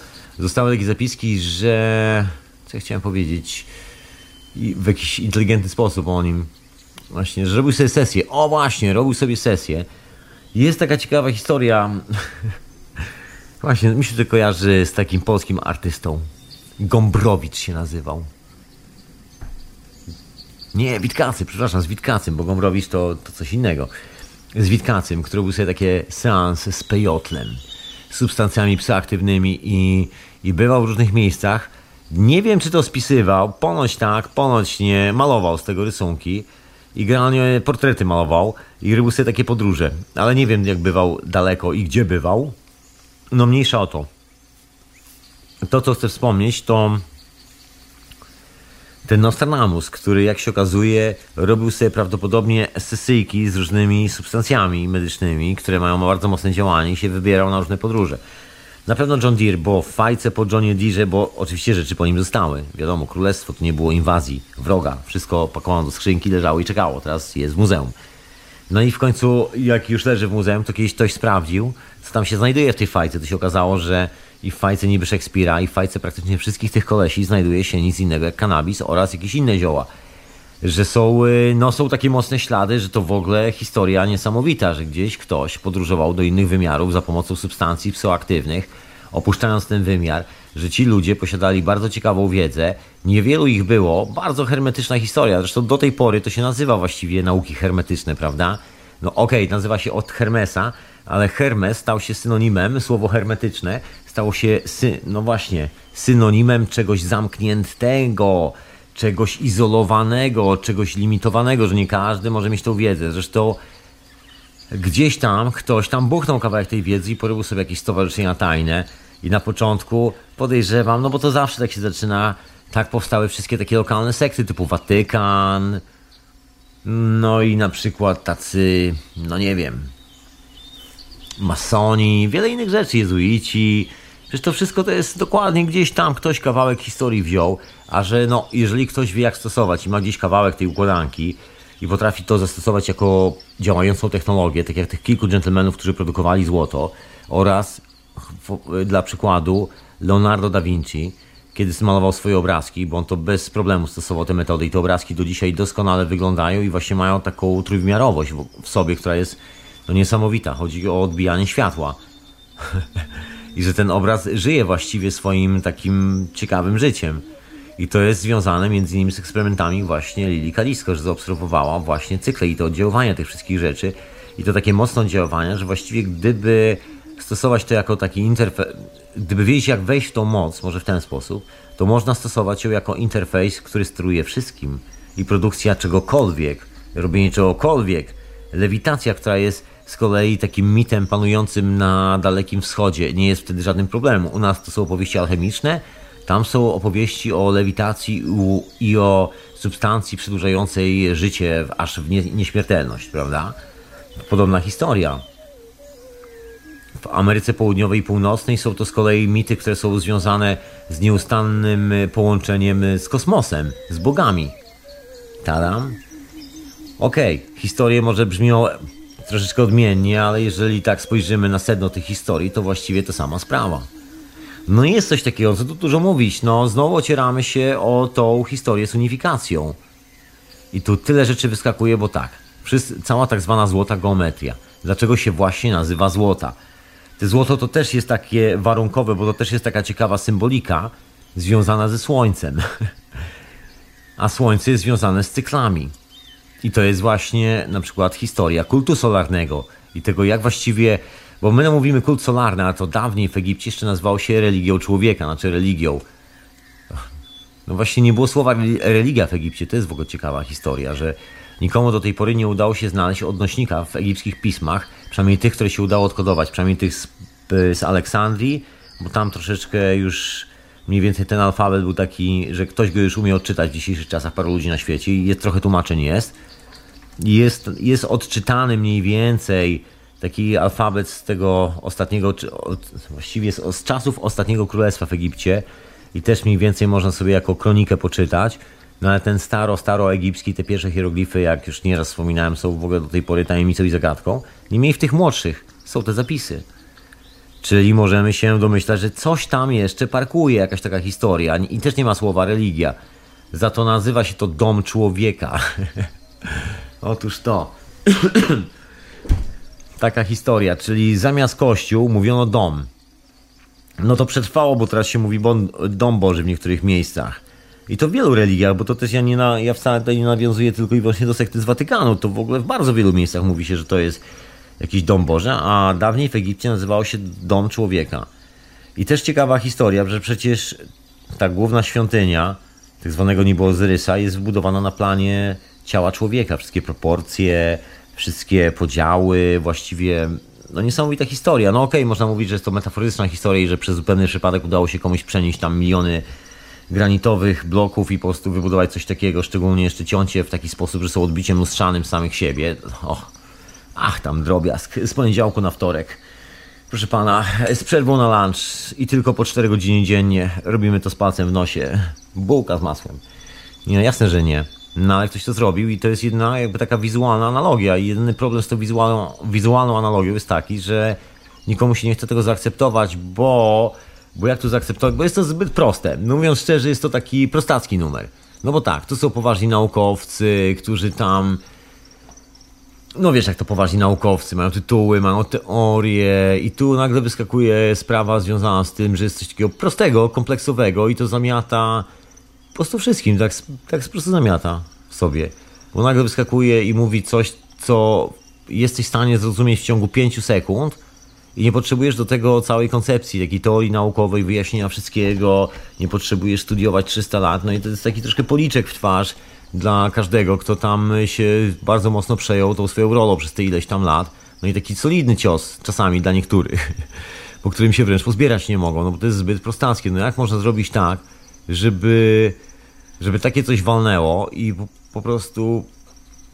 No i co z tymi wszystkimi książkami, teoriami, bo do tego jest jeszcze masa teorii, bo oczywiście wykorzystujemy materiałoznawstwo, masę rzeczy dookoła, tylko że wszystko jest traktowane od strony chemicznej. Ale najlepszy numer, o czym właśnie chcę wspomnieć, bo to ciągle jest związane z tą historią, bo dlatego mówię o Nostradamusie, bo ten gentleman podróżował do przyszłości, widział pewne rzeczy, widział z reguły katastrofy i tak dalej, tych wizji przyszłości jest parę, tam jest wiele koncepcji, że właściwie możesz podróżować właściwie po różnych przestrzeniach i zależy gdzie pójdziesz, tam widzisz konsekwencje tej przestrzeni. Na ile masz na to wpływ, na ile nie masz, gdzie bywasz, a gdzie nie bywasz, to też jest generalnie domeną taką spekulacji, można powiedzieć mocno. Oczywiście można powiedzieć, ok, wiem, że to była przyszłość i tak dalej, ale to bardziej w takim indywidualnym wymiarze. Że to była twoja wizja i ty się z tym czujesz, że to była przyszłość. I to jest wtedy ok, ja wtedy wierzę, że to była przyszłość. Ale to jest twoja przyszłość. A czy moja będzie taka sama? Kto wie? Ja myślę, że to jest dokładnie na tej zasadzie. Czasami niektórym kolesiom udaje się wejrzeć troszeczkę dalej i zobaczyć pewien pattern. I ten pattern, czyli ta właściwa przyszłość poniekąd, czyli jakby możliwość opisania potencjalnie pewnych sytuacji, które się dzieją dookoła nas. Bo co tu dużo mówić, okej, okay, można się, że tak powiem, śmiać z Nostradamusa, ale jest, jest e, troszeczkę zbieżności w cyklach, w opisywaniu sytuacji. Ja nie mówię, że Nostradamus przewidział naszą erę i tak dalej, ale Indianie Hopi na przykład. Jest w wielu miejscach, to jest taka znajomość paternu, że pierw coś jest na górze, później jest na dole, później wraca i świadomość tego, jak ten pattern energetycznie może przebiegać, bo właściwie wszystkie te emocje, którym podlegamy jako tak zwane society i społeczeństwo, to nie jest nic innego jak odpowiedniej gęstości, można powiedzieć, ładunek energii plazmowej. Coś w tym stylu. No jeżeli coś takiego się dzieje, no to możesz to opisać w, no, na różne sposoby. Wiadomo, że taka cienka energia to wojna i opisujesz to jako katastrofy. Wiadomo, że nasze organy reprezentują konkretne aspekty energii rośliny. Możesz to opisywać metaforycznie, budując opowieści o tym, że komu, komuś wyrwano nerkę na przykład, albo wątrobę komuś wyrwano. Orzeł wylądował i wyrwał wątrobę i zjadł nerkę, to może też coś oznaczać. To wcale nie jest takie głupie. Indianie w Ameryce Południowej, w Mezoameryce, czyli cały ten Yucatan, mieli takie bardzo dosłowne podejście do tego i jak na ironię głupkami nie byli, poza tym, że byli nieprzeciętnymi barbarzyńcami. To, to już inna historia. No ale wiedza o tym była i to nie taka wiedza, że na jednym kontynencie, tylko wszędzie, wszędzie. I była ponoć książka w Europie, w drugiej części. Niektórzy lubią to nazywać jako cała Słowiańszczyzna. Nie wiadomo, no wiadomo, że była to jakby jednolita taka, można powiedzieć, kultura pod jednym względem. Być może. Oczywiście jest to spekulacja, ale myślę, że taka spekulacja dosyć słaba, bo zostało troszkę śladów archeologicznych i zapisy w kronikach, że, że tam gdzieś przetrwała jakaś informacja o unifikacji, o tym, że, że jest taki pattern na, taki pattern na świecie, z którego świat jest skonstruowany. I że jest to dosyć prosta wiedza, że to nie jest nic skomplikowanego. Jeżeli wiesz, jak się tym posługiwać, to możesz robić niesamowite rzeczy. I cały dowcip polegał na tym, że byli kości, którzy tej wiedzy nie można powiedzieć, że nie mieli, bo mieli, ale nie chcieli się tą wiedzą dzielić z tymi, którzy jakby tak rzucali tą wiedzę, bo właściwie każdy o niej wiedział. No, można powiedzieć, że nie każdy, bo też nie jest to wiedza taka przyswojona przez każdego. Część z nas zwyczajnie po prostu no raczej, raczej nie chce przyswajać takiej wiedzy, woli skorzystać z części odrobiny i wcale nie chce brnąć tak konkretnie w temat, a to czasami są takie konkretne tematy i to jest ok. I wiadomo, że jakaś tam część populacji tą wiedzę ma, jakaś tam część, część populacji nie ma i to też ułatwia troszkę zadanie takiej grupie, która nie lubi tych, którzy mają wiedzę, albo nie lubi konkurencji, no bo wtedy, wtedy na przykład rozliczając się złotem jest ryzyko, że kolesie, którzy mieszkają za rzeką, produkują tego złota 5 ton i jest awaria, bo nasze traci na wartości. I jakąkolwiek wojnę byśmy chcieli zrobić, to nagle ktoś nas wykupuje. albo coś w tym stylu. Dosłownie, tak, takie zwyczajne podejście. O rywalizację mogło się komuś włączyć, jeżeli nie miał takiej technologii. Zresztą, jeżeli ktoś strzeże technologii, która jest bardzo mocno związana też z medycznymi aspektami naszego ciała, w ogóle z życiem takim na co dzień, bo to jest taka praktyczna. Bo to, o czym mówię, to w ogóle jest wiedza, która nie jest taka laboratoryjna, nie jest taka alchemiczna, tak jak wspomniałem na początku z książek, tylko to jest coś, co w bardzo wielu zawodach na świecie jest używane do dzisiaj i jest to jakby część stopnia wtajemniczenia rzemieślnika. Wcale nie żartuję. Są takie zawody, znam takie zawody, które polegają na tym, że na przykład dopiero po 10 latach dostajesz jakby swój taki tytuł, można powiedzieć mistrzowski, czasami po pięciu się uda szybko. Pierw musisz mieć poprzednie tytuły, czyli być uczniem, czeladnikiem i wszystko to tak konkretnie. I czasami jest tak, że nie, nie wszędzie oczywiście, ale są takie zawody, że 30 lat czekasz na to, żeby zostać dopuszczonym do pewnych tajemnic zawodowych, do robienia pewnych bardzo ciekawych rzeczy, które, żeby było zabawniej, przeczą wszelkim prawom fizyki. Sam widziałem kilka takich rzeczy na swoje oczy, niekoniecznie akurat, akurat od specjalistów, z którymi spędziłem najwięcej czasu w swoim życiu, ale, ale kilka takich rzeczy na swoje oczy zobaczyłem, takich dosyć ciekawych, intrygujących, które bardzo ciężko wyjaśnić, bardzo ciężko wyjaśnić.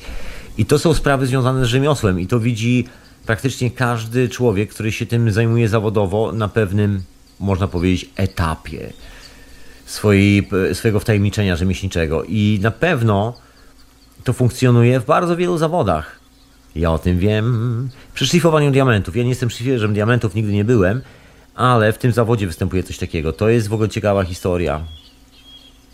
Żeby ciąć kamienie, żeby widzieć, jak to się wszystko układa, żeby żeby to się wszystko ogarniało. To jest ciekawa rzecz. I też ciekawe narzędzia są do cięcia diamentów, bo wszystkim się wydaje, że to jakieś piły ciężkie ze stali, jakieś twarde materiały, tam nie wiadomo co się dzieje, jakaś rzeźnia.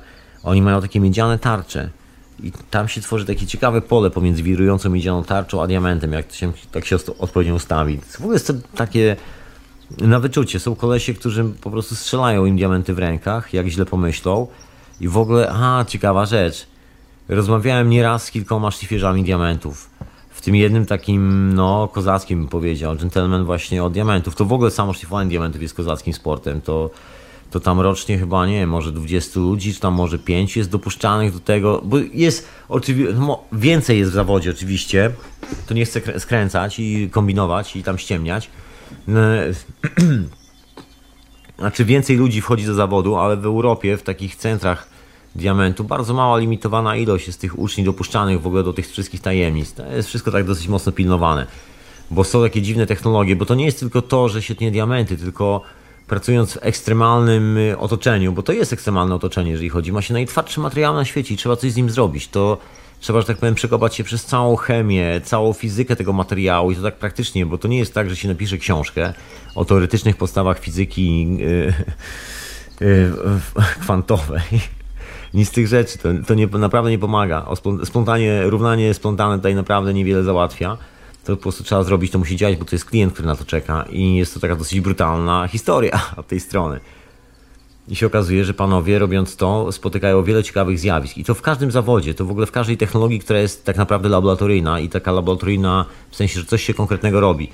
To nie jest tak, że jakby podejście analityczne, taka prawdziwa nauka jest do dupy. Prawdziwa nauka to właściwie alchemia i do tej pory właściwie poza tym, że, że może niekoniecznie wrzuca się te same substancje w laboratoriach, ale do dzisiaj właściwie takie laboratorium to dalej pracownia alchemiczna tylko że już troszkę w kitlach i bardzo limitowana, jeżeli chodzi o dopuszczalną możliwość eksperymentów, o szerokość pola, pola eksperymentowania, bo limitowane materiały, limitowane pieniądze na badania, to w ogóle nie jest tak, nie ma nic wspólnego z tym, co się działo za czasów alchemii, gdzie koleś miał po prostu taką wolność, że to się w głowie nie mieści. Kolesie mieli swoje własne, indywidualne programy badawcze, w które zaangażowywali kilku królów.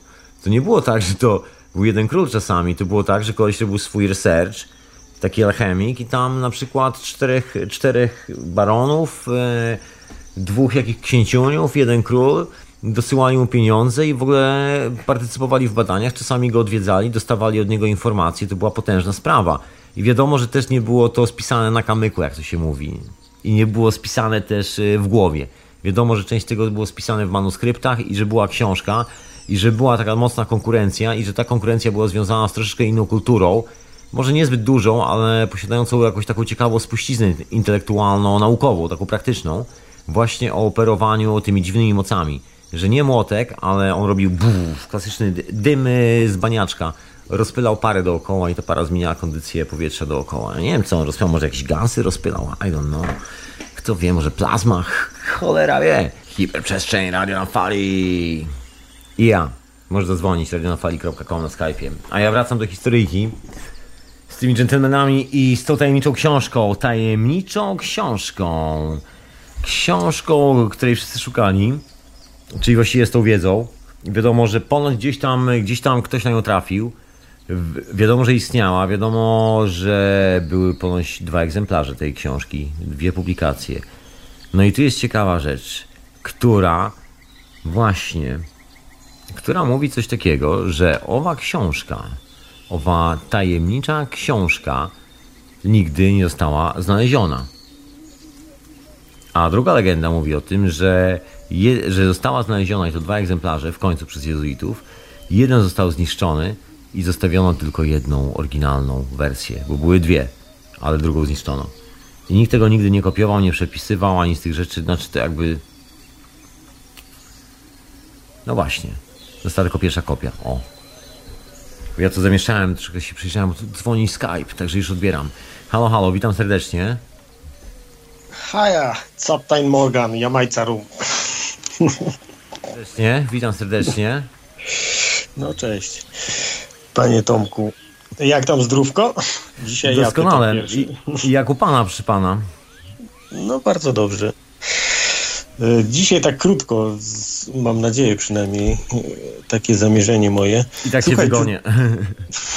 I tak mnie wygonisz, okej. Okay. Słuchaj, czy są jakieś, jakiekolwiek dokumenty na znaczy dokumenty, no może nie tak dosłownie, ale e, jakieś takie, nie wiem, artefakty albo coś takiego związane z tymi alchemikami, którzy mieliby to robić w tych, w tych wcześniejszych czasach. Jest, E, ten- jest. Są książki, możesz kupić czasami za... Znaczy poza legendami, wiesz, no bo Są. legendy to wiadomo. Są. Powiem ci, że nawet sam się przymierzałem do kupienia jednej z takich książek w oryginale. Znaczy to był przedruk. XVII-wieczny, nie, przepraszam, XVIII-wieczny przedruk, 1738 rok, jakoś tak. Już przedruk taki. Te, te przedruki możesz kupić. To nie jest tak, że one kosztują fortunę. Ja wiem, że to brzmi tak, wiesz, kupujesz książkę, która ma 300 lat? Tak, kupuję, jasne. Jeżeli jest taka możliwość. W Anglii jest to możliwe. Nie, to nie kosztuje czasami fortuny. To okej, nie jest naprawdę tanie, ale okej, czasami jakichś jest to... antykwariatach pewnie. Online'owo, to, to wszystko możesz kupić naprawdę online, wszystko jest dostępne, także nie ma z tym problemu. Tu jest potężny rynek antykwaryczny, jeżeli chodzi o wszystkie te dzieła, to nie było wojny, wszystko po angielsku, także przy, masa małych oficyn robiła przedruki i w XVII wieku, XVIII wieku i na początku XIX była jazda, żeby robić przedruki tych alchemicznych rzeczy. I oni wykopywali te e, manuskrypty i, przedruk, i były przedruki. I trafiłem na jedną na przykład z ciekawych rzeczy. No niestety to akurat dzieło kosztowało 33 tysiące funtów, także nie było to tanie. No to trochę, to. Ale jest do kupienia, to, to jest naprawdę do sprawdzenia, bo to są książki, w których właśnie są opisy tych alchemików, bo to jest na podstawie ich dzieł i to jest takie, wiesz... A to są jakieś fotokopie tych, tych manuskryptów? Nie, czy- nie, nie, to antyk, antykwariusz, słuchaj, ma w, se- w sejfie człowieku, to nie jest troszeczkę inaczej. Znaczy jak sobie kupisz, możesz trzymać jak chcesz, możesz zrobić przedruki, ale, znaczy w sensie kopie, ale rzadko kiedy. No, dzieła ale, ale tak. te, te, te, Nietona to, o czym tak, Ty mówisz, na te, przykład- te 83, te, te 33 Nie, nie tysiące funtów, to, to, to co to jest? To, to, to jest y, jakiś taki st- starodruk? Taki, taki No tak, tam z- 1738 rok zdaje się. Aha. Rozumiesz? Aha. Nie, no w świetnym stanie, wszystko jest okej, nadaje się do czytania. Normalnie książka, wiesz, sprawna, gotowa. Cała publikacja, taka właśnie mm, podstawy alchemii, wiesz, ta, tak, taki, fajny, taki fajny break po prostu jakby wszystkiego, przelot przez całość. Taki właśnie pisany przez kolesia, który był właśnie jednym z tych, że tak powiem, e, dziedziców owej wiedzy w tamtych czasach. Jeden, to był uczeń jednego z takich alchemików i z takiej szkoły w ogóle tu angielskiej alchemicznej i w ogóle europejskiej, czyli od szalonego księcia Karola i tak dalej. Drugiego, Karola II zdaje się, ksi- księcia Niemiec, który się bił z No dobra. A powiedz mi, a czy, czy z, te, z tego jakoś tam wynika, y, czym oni, y, znaczy jaką oni metodą jakby w ogóle dysponowali, albo, albo jeśli nie wiadomo, to czy ty się domyślasz? nie sądzę jakoś, wiesz, tak, No, tak proszę jak, pana, e, tak jak, tak jak księga jasno pokazuje, słuchaj, księga jasno pokazuje, Cewki, cewki raczej nie skręcali. słuchaj, księga jasno pokazuje, że widzieli jak budować reaktor. Księga jest o reaktorze, przynajmniej, przynajmniej tak wygląda. Okej, księgi do tej pory nikt nie rozszyfrował. Zaraz powiem, co za księga, Mhm. bo ona jest aktualnie dostępna i to jest w ogóle zabawna historia z tą księgą. Jak została znaleziona i, i co się z nią stało. To... Historia polega na tym, że wszystko zostało zapisane w oryginalnym języku, w którym ta wiedza była przekazywana. Zupełnie innym, zupełnie innej pisowni. To jest w ogóle zupełnie coś innego, coś czego nikt do dzisiaj nie rozszyfrował. To jest jedna rzecz. I tą księgę znaleziono. I tą księgę, jak się okazało, zaraz po tym jak znaleziono, okazało się, że właściwie wcale nie jest nie- niebezpieczna, czy jest bardzo groźna dla kogoś, kto może wiedzieć o co chodzi. Bo nie wiedziano, jak dużo ludzi zna ten język. To też tak, wiesz, tak, zagadkowa historia, więc księgę schowano, ale i tak nie stanowiła zagrożenia, ponieważ nikt nie miał bladego pojęcia, co to za księga i o czym ona jest, a wyglądała tak dziwnie i tak bez sensu, że właściwie schowano ją w wiadrze, dosłownie.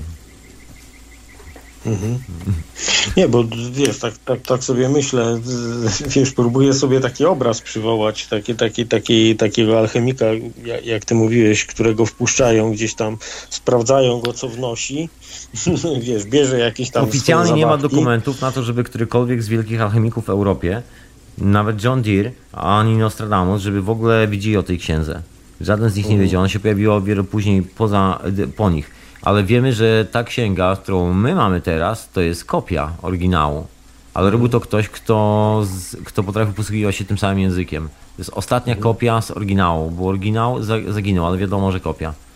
No tak, ale mówi, mówi wiesz, praktycznie, to już nieważne, czy to ten jeden, czy ten drugi, e, których wymieniłeś z nazwy, tylko o, ogólnie, no, którykolwiek, który, który rzeczywiście potrafił tam z, zrobić z jakiegoś metalu, przekształcić ten metal w złoto, że bierze zabawki, tam przychodzi do jakiegoś króla na dwór, zabiera swoje zabawki, zabiera jakieś materiały, które mu są potrzebne, wiesz, ma to gdzieś tam, nie wiem, popakowane w jakimś worku, czy w czymkolwiek. Zapraszam na wycieczkę do czeskiej Pragi serdecznie. Tam przecież jest nawet chatka tych alchemików i przecież legendy o tym i o który to alchemik jest to na dworze króla, na, na królewskim dworze w Pradze osiągnął taką sztuczkę. Hmm.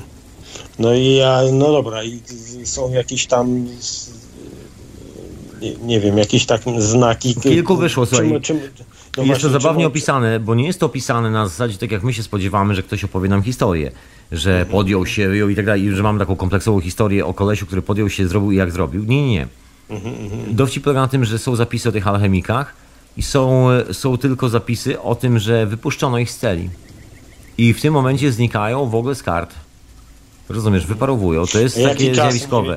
To trochę, tro, trochę jak wiesz, trochę jak się śmiejąc, jak ci, którzy zobaczyli, jak ci, którzy byli w strefie, w strefie 51, wy, wyparowali zabrani przez FBI.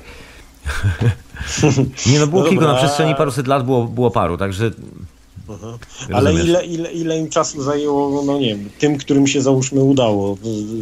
Ja paru... nie znam wszystkich przypadków, także ciężko mi tutaj cokolwiek powiedzieć, ale słyszałem o tym, że na przykład 3 miesiące mhm. albo 4, rozumiesz, jakoś tak, nie, nie mam pojęcia, ale mhm.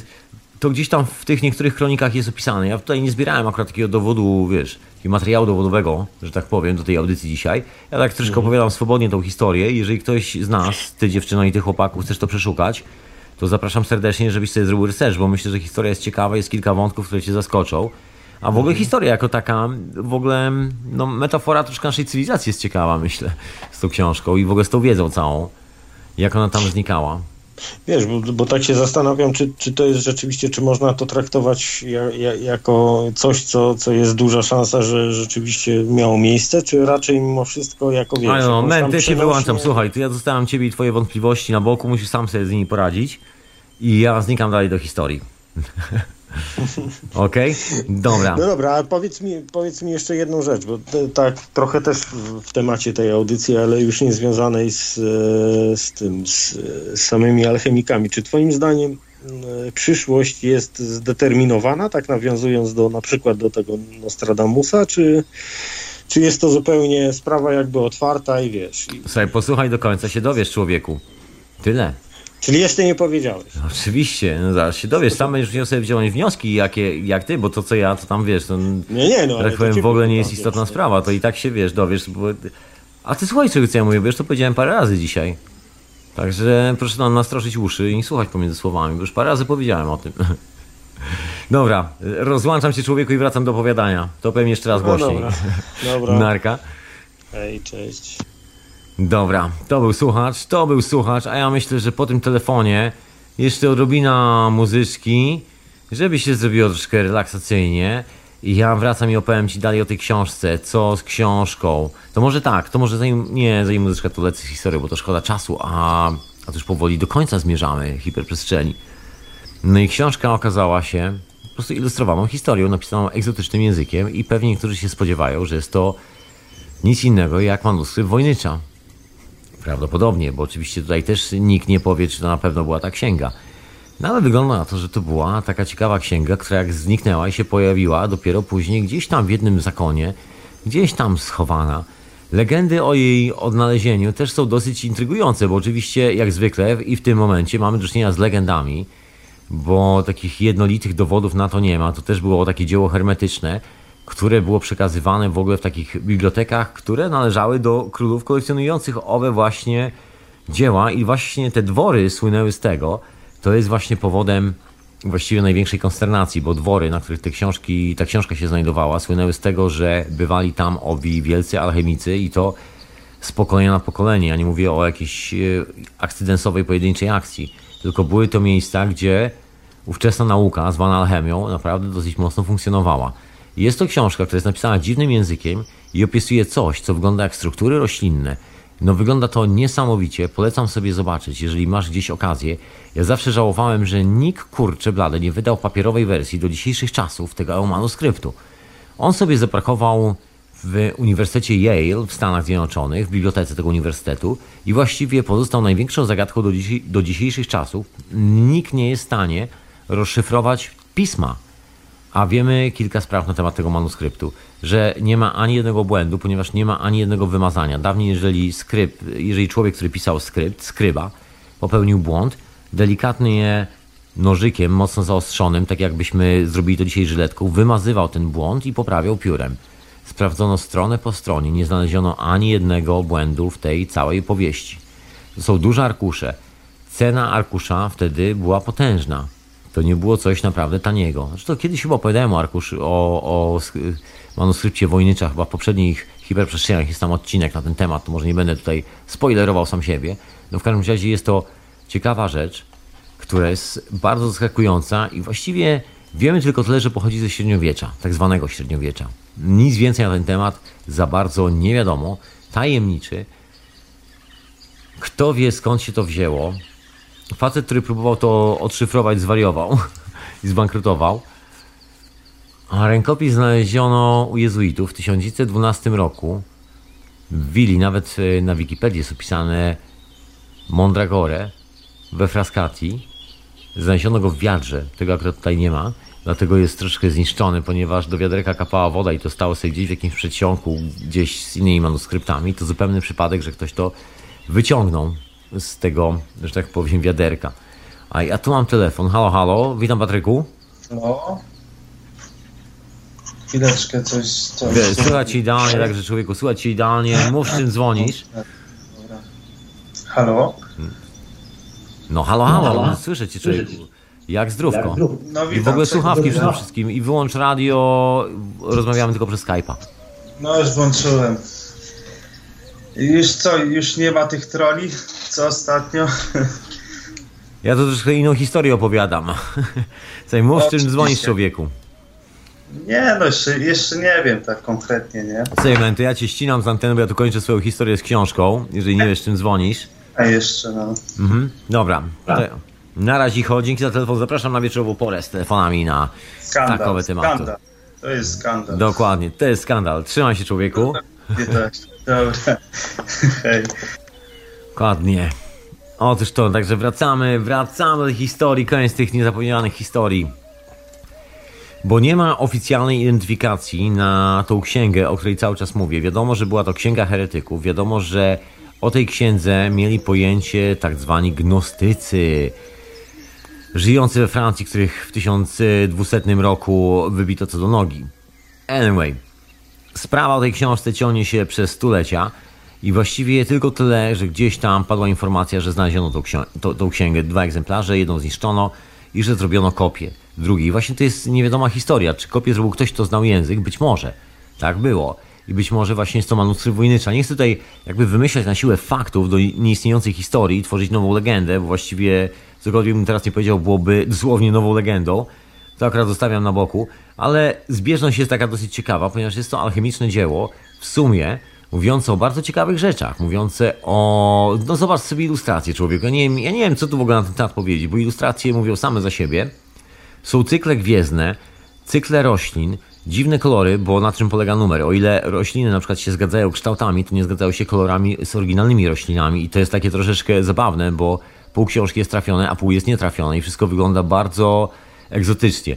Na tyle egzotycznie i na tyle fascynująco, że zainspirowało na takiego gentlemana, który y, zrobił y, taki dowcip z tego i generalnie zaprojektował taki, mm, y, to się nazywa kodeks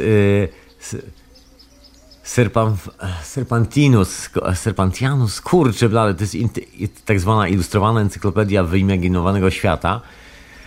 To jest dosyć ciekawa rzecz, która została właśnie, powstała z inspiracji tym manuskryptem Wojnycza, ponieważ właśnie, no tam się nic nie zgadza.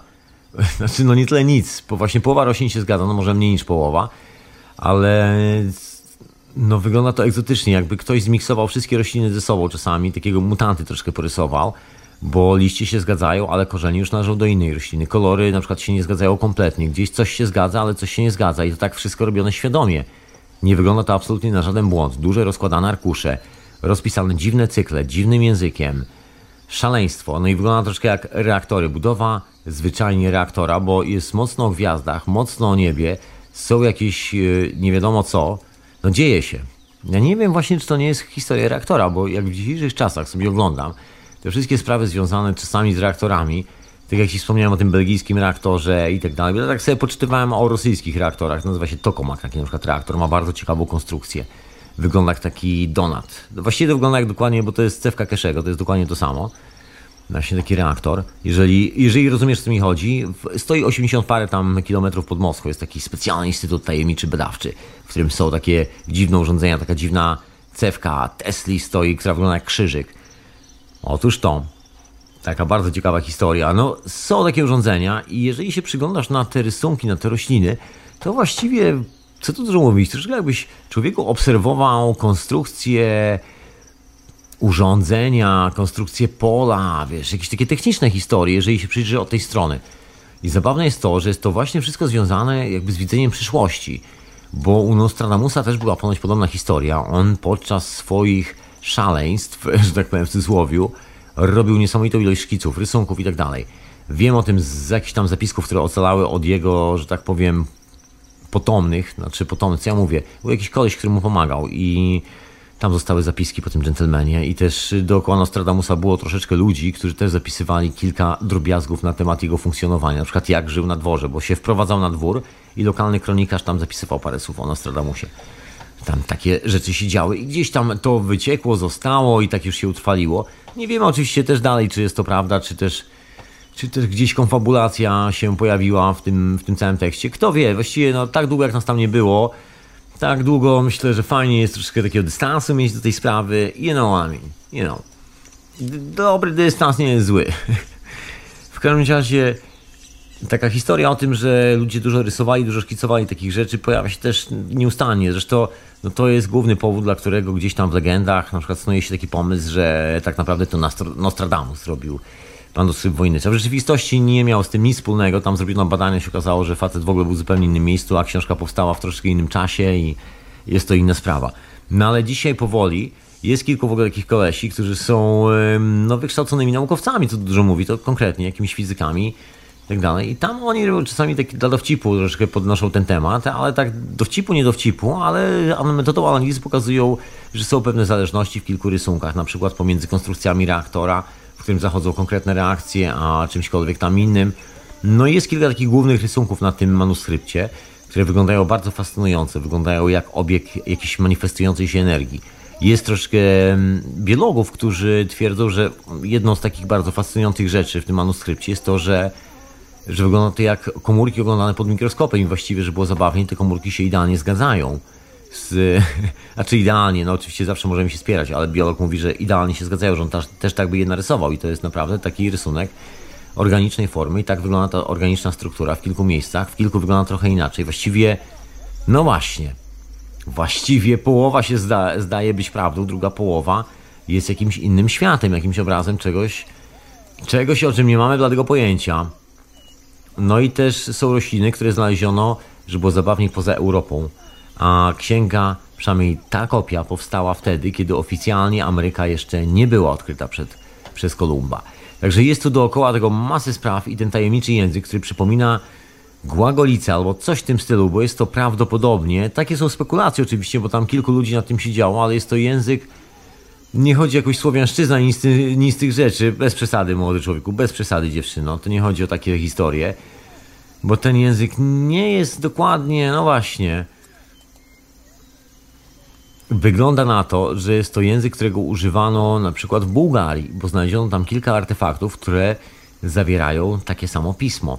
Podobny troszeczkę do sanskrytu, podobny do głagolicy. Podejrzewam, że jeżeli ktoś jeszcze gdzieś żyje na świecie, który w rzeczywistości zna głagolicę, być może jest w stanie odczytać ten tekst, bo jest to, jak niektórzy, a nawet amerykańscy badacze mówią, test, tekst zgłoskowy prawdopodobnie.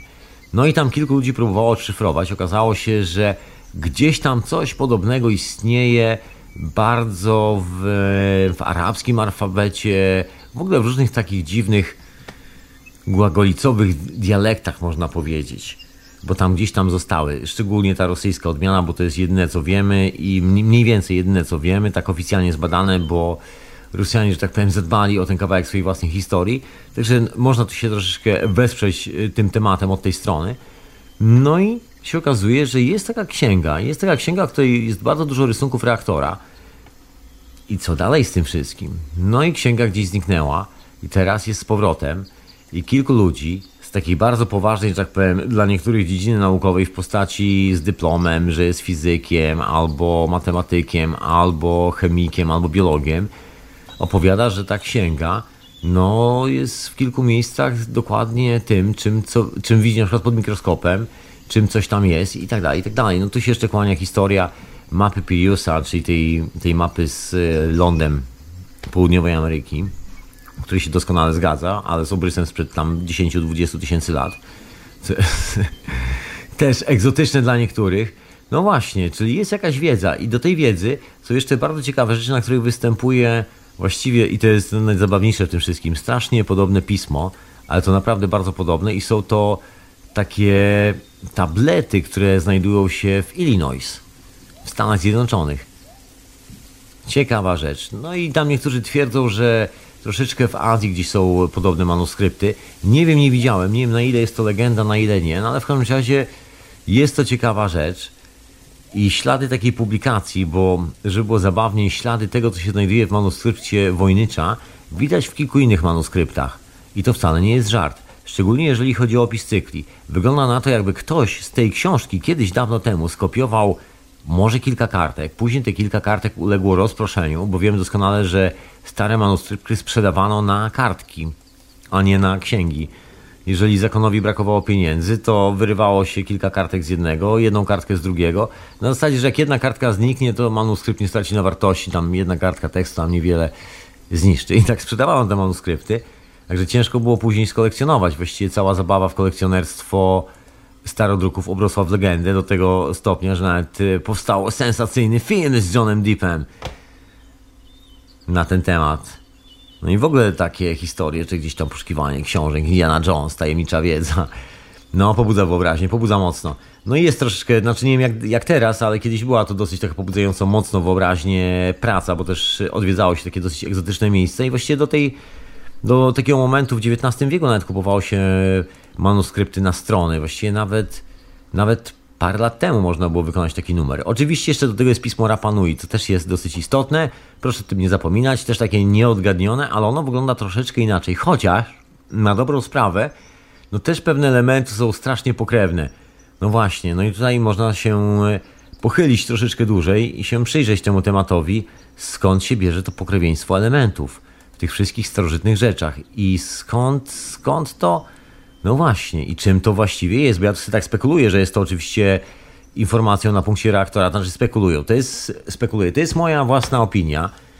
I według mnie, no przynajmniej jak na razie, to jest dokładnie reaktor, to jest opis tej resztki informacji, która została o, o tym, jak, jak zbudowany jest cały świat, o tym, na czym polega zasada unifikacji wszystkich pól. I na tyle jest mądrze opowiedziany i dziarsko opowiedziany, że kiedy zrozumiesz o co chodzi, nagle zaczynasz właściwie funkcjonować w tych polach tak świadomie, czyli możesz sobie zrobić zimę, zrobić lato, zrobić sobie sztabkę złota jak chcesz, cokolwiek sobie zrobić, podróżować pomiędzy wymiarami. Taka bardzo ciekawa rzecz, podróżować na tyle pomiędzy wymiarami, że możesz poruszać do tyłu i do przodu. I teraz jest pytanie, czy to przypadkiem nie jest ta starożytna wiedza, której się tak bały wszystkie monoteistyczne religie, bo książka, o której mowa, to nie była książka, na którą polował tylko Watykan, ale też kraje muzułmańskie. Wielu ludzi ślady o takiej książce, która była przeznaczona do zniszczenia, są. Legenda mówi, że nigdy nie, nie znaleziono, ale zapiski, wspomnienia kilku ludzi, a dokładnie jezuitów, mówią o tym, że coś takiego wylądowało w Bibliotece Watykańskiej i że były tylko dwie kopie. Jedna została, znaczy były tylko dwie, e, były dwie księgi, została zrobiona kopia i tamte zdaje się zostały zniszczone. Jakaś taka historia. Być może to było tak, że zamówiono drugą kopię i wtedy zniszczono zarówno kopię i oryginał, bo też wydarzały się takie sytuacje i była to no taka słaba historia. Ledwo co facet, który wymyślił teleskop, wyszedł z życiem z tej całej opowieści, bo jak się okazało, kiedy skonstruował teleskop, zamówiono u niego drugi teleskop i wtedy prawie, że chciałem się go pozbyć. I tylko dlatego, że teleskop się zepsuł, facet ocalił swoją skórę. Bo się okazało, że padł blady strach na to, że nie będzie można kontrolować tej wiedzy i heretycy, ci, którzy są po drugiej stronie Europy, z powrotem przejmą, przejmą kontrolę nad Europą, po prostu nauczą ludzi o tych wszystkich zjawiskach, jak to funkcjonuje i wtedy Watykan straci, straci swoją dominację. To było ciekawe. Ponoć może być ta książka. Nie wiem na 100%, ale mam takie przeczucie, proszę ja koleżanki, proszę ja kolegi, że to jest właśnie manuskrypt Wojnycza. I tak sobie siedzę ostatnimi czasy i oglądam ten manuskrypt Wojnycza i tak sobie nawet gdzieś trafiłem na jakieś ściapki przepowiedni, i czy, czy to Edgara Casey, czy to Nostradamusa, tak przypadek gdzieś tam siedząc i dubiąc o swoje sprawy sobie włączyłem gdzieś tam i posłuchałem, bo to tak na, na słuchawkach. I bardzo ciekawe historie. Jest taki pattern, który się powtarza, bardzo ciekawy i myślę, że właśnie ta wiedza jakby jest dokładnie niczym innym jak, no bo czym jest taka unifikacja, unifikacja całej wiedzy? No jest niczym innym jak znajomość tego, jak, e, jak posługiwać się czasem i przestrzenią. Możesz to nazwać na wiele sposobów. Możesz to nazwać zjawisko plazmowe, możesz to nazwać prana, możesz to nazwać praistota, możesz to nazwać praprzestrzeń, możesz to nazwać pramoc. To jest coś, co stwarza warunki, a jednocześnie stwarza materię, czy cokolwiek jest w ogóle, powstaje gdziekolwiek w kosmosie, w jakichkolwiek warunkach, wszędzie. Anyway, przynajmniej w tym momencie, którym my się znajdujemy i któremu my podlegamy. I to jest nasze własne naturalne środowisko. I to jest być może kluczyk do tego wszystkiego, ta tajemnicza księga. Kto wie? I don't know. To jest ciekawe. Być może to jest właśnie książka z przyszłości. Się zobaczy. No nic, zostawiam cię człowieku z tą wiedzą. Się zobaczy. Może się okaże, że to po prostu głupie, natrętne dzieło. Żartuję. Się zobaczy. Także zostawiam ci z tym pytaniem w głowie, dziewczyny chłopaku. Ja sam się tutaj troszkę pozastanawiam i się troszkę pobawię tą książką, bo ja teraz akurat jestem taki techniczny troszeczkę w życiorysie, buduję sobie różne urządzenia i tak sobie, wiesz, posprawdzam, bo tu jest kilka takich ciekawych pomysłów, że aż miło spojrzeć, takie bardzo alchemiczne. No i w tej alchemii po prostu takie zagadki, takie doskonałe historie. A jak jeszcze sobie ostatnio obejrzałem zdjęcia pani Lili Kalisko z tych zachowań minerałów podczas na przykład latencji e, księżyca, podczas różnych zaćmień słonecznych, różnych zaćmień księżyca, na które polowała specjalnie, żeby wykonać tam specjalne próbki właśnie jak się będzie naświetlały, jak, jak się będą naświetlały te wszystkie minerały, te wszystkie kwasy, roztwory jakie tam są reakcje, bo wiadomo, że chodzi o cienką, cienką, niby cienką, z naszego fizycznego punktu widzenia falę elektromagnetyczną, ale jak się okazuje, im mniejsza ta fala, tym większy impact wydziela w rzeczywistość. Jak na niej taki fraktal. Poruszasz jedną rzecz i wszystko się zaczyna trząść. To tak jak wyciągnąć cały piasek z betonu. Nagle spowodować, że on znika. Tylko piasek. Poruszyć każde ziarenko piasku o 1 mm. W, w tym momencie cały beton się rozsypuje na pył. To jest troszeczkę taka wiedza, tak mi się wydaje. Tak to działa. Może, I don't know. Może dla ciebie. Ja to się zastanawiam, jak to sprawdzić. Bo wygląda, że tak. Może się znajdzie jeszcze jedna księga, może nie było, nie było wcale tak, że to była jedna. Są tacy, którzy twierdzą, że tych ksiąg było troszeczkę więcej. To też gdzieś dla tej informacji zostaje. Cóż, poczekamy, zobaczymy. Zatem zostawiam Cię z tą jakże bajkową historią, nieprzeciętną historią i milionem pytań w głowie, co jest prawdą, a co prawdą nie jest. Kto to wie? A może to wszystko to ściema? Who knows? Się okaże. Zatem dzięki za wysłuchanie hiperprzestrzeni człowieku. Dzięki e, Ci słuchaczu Radia Paranormalnym i Radio, Dream, e, Radio Dreamtime.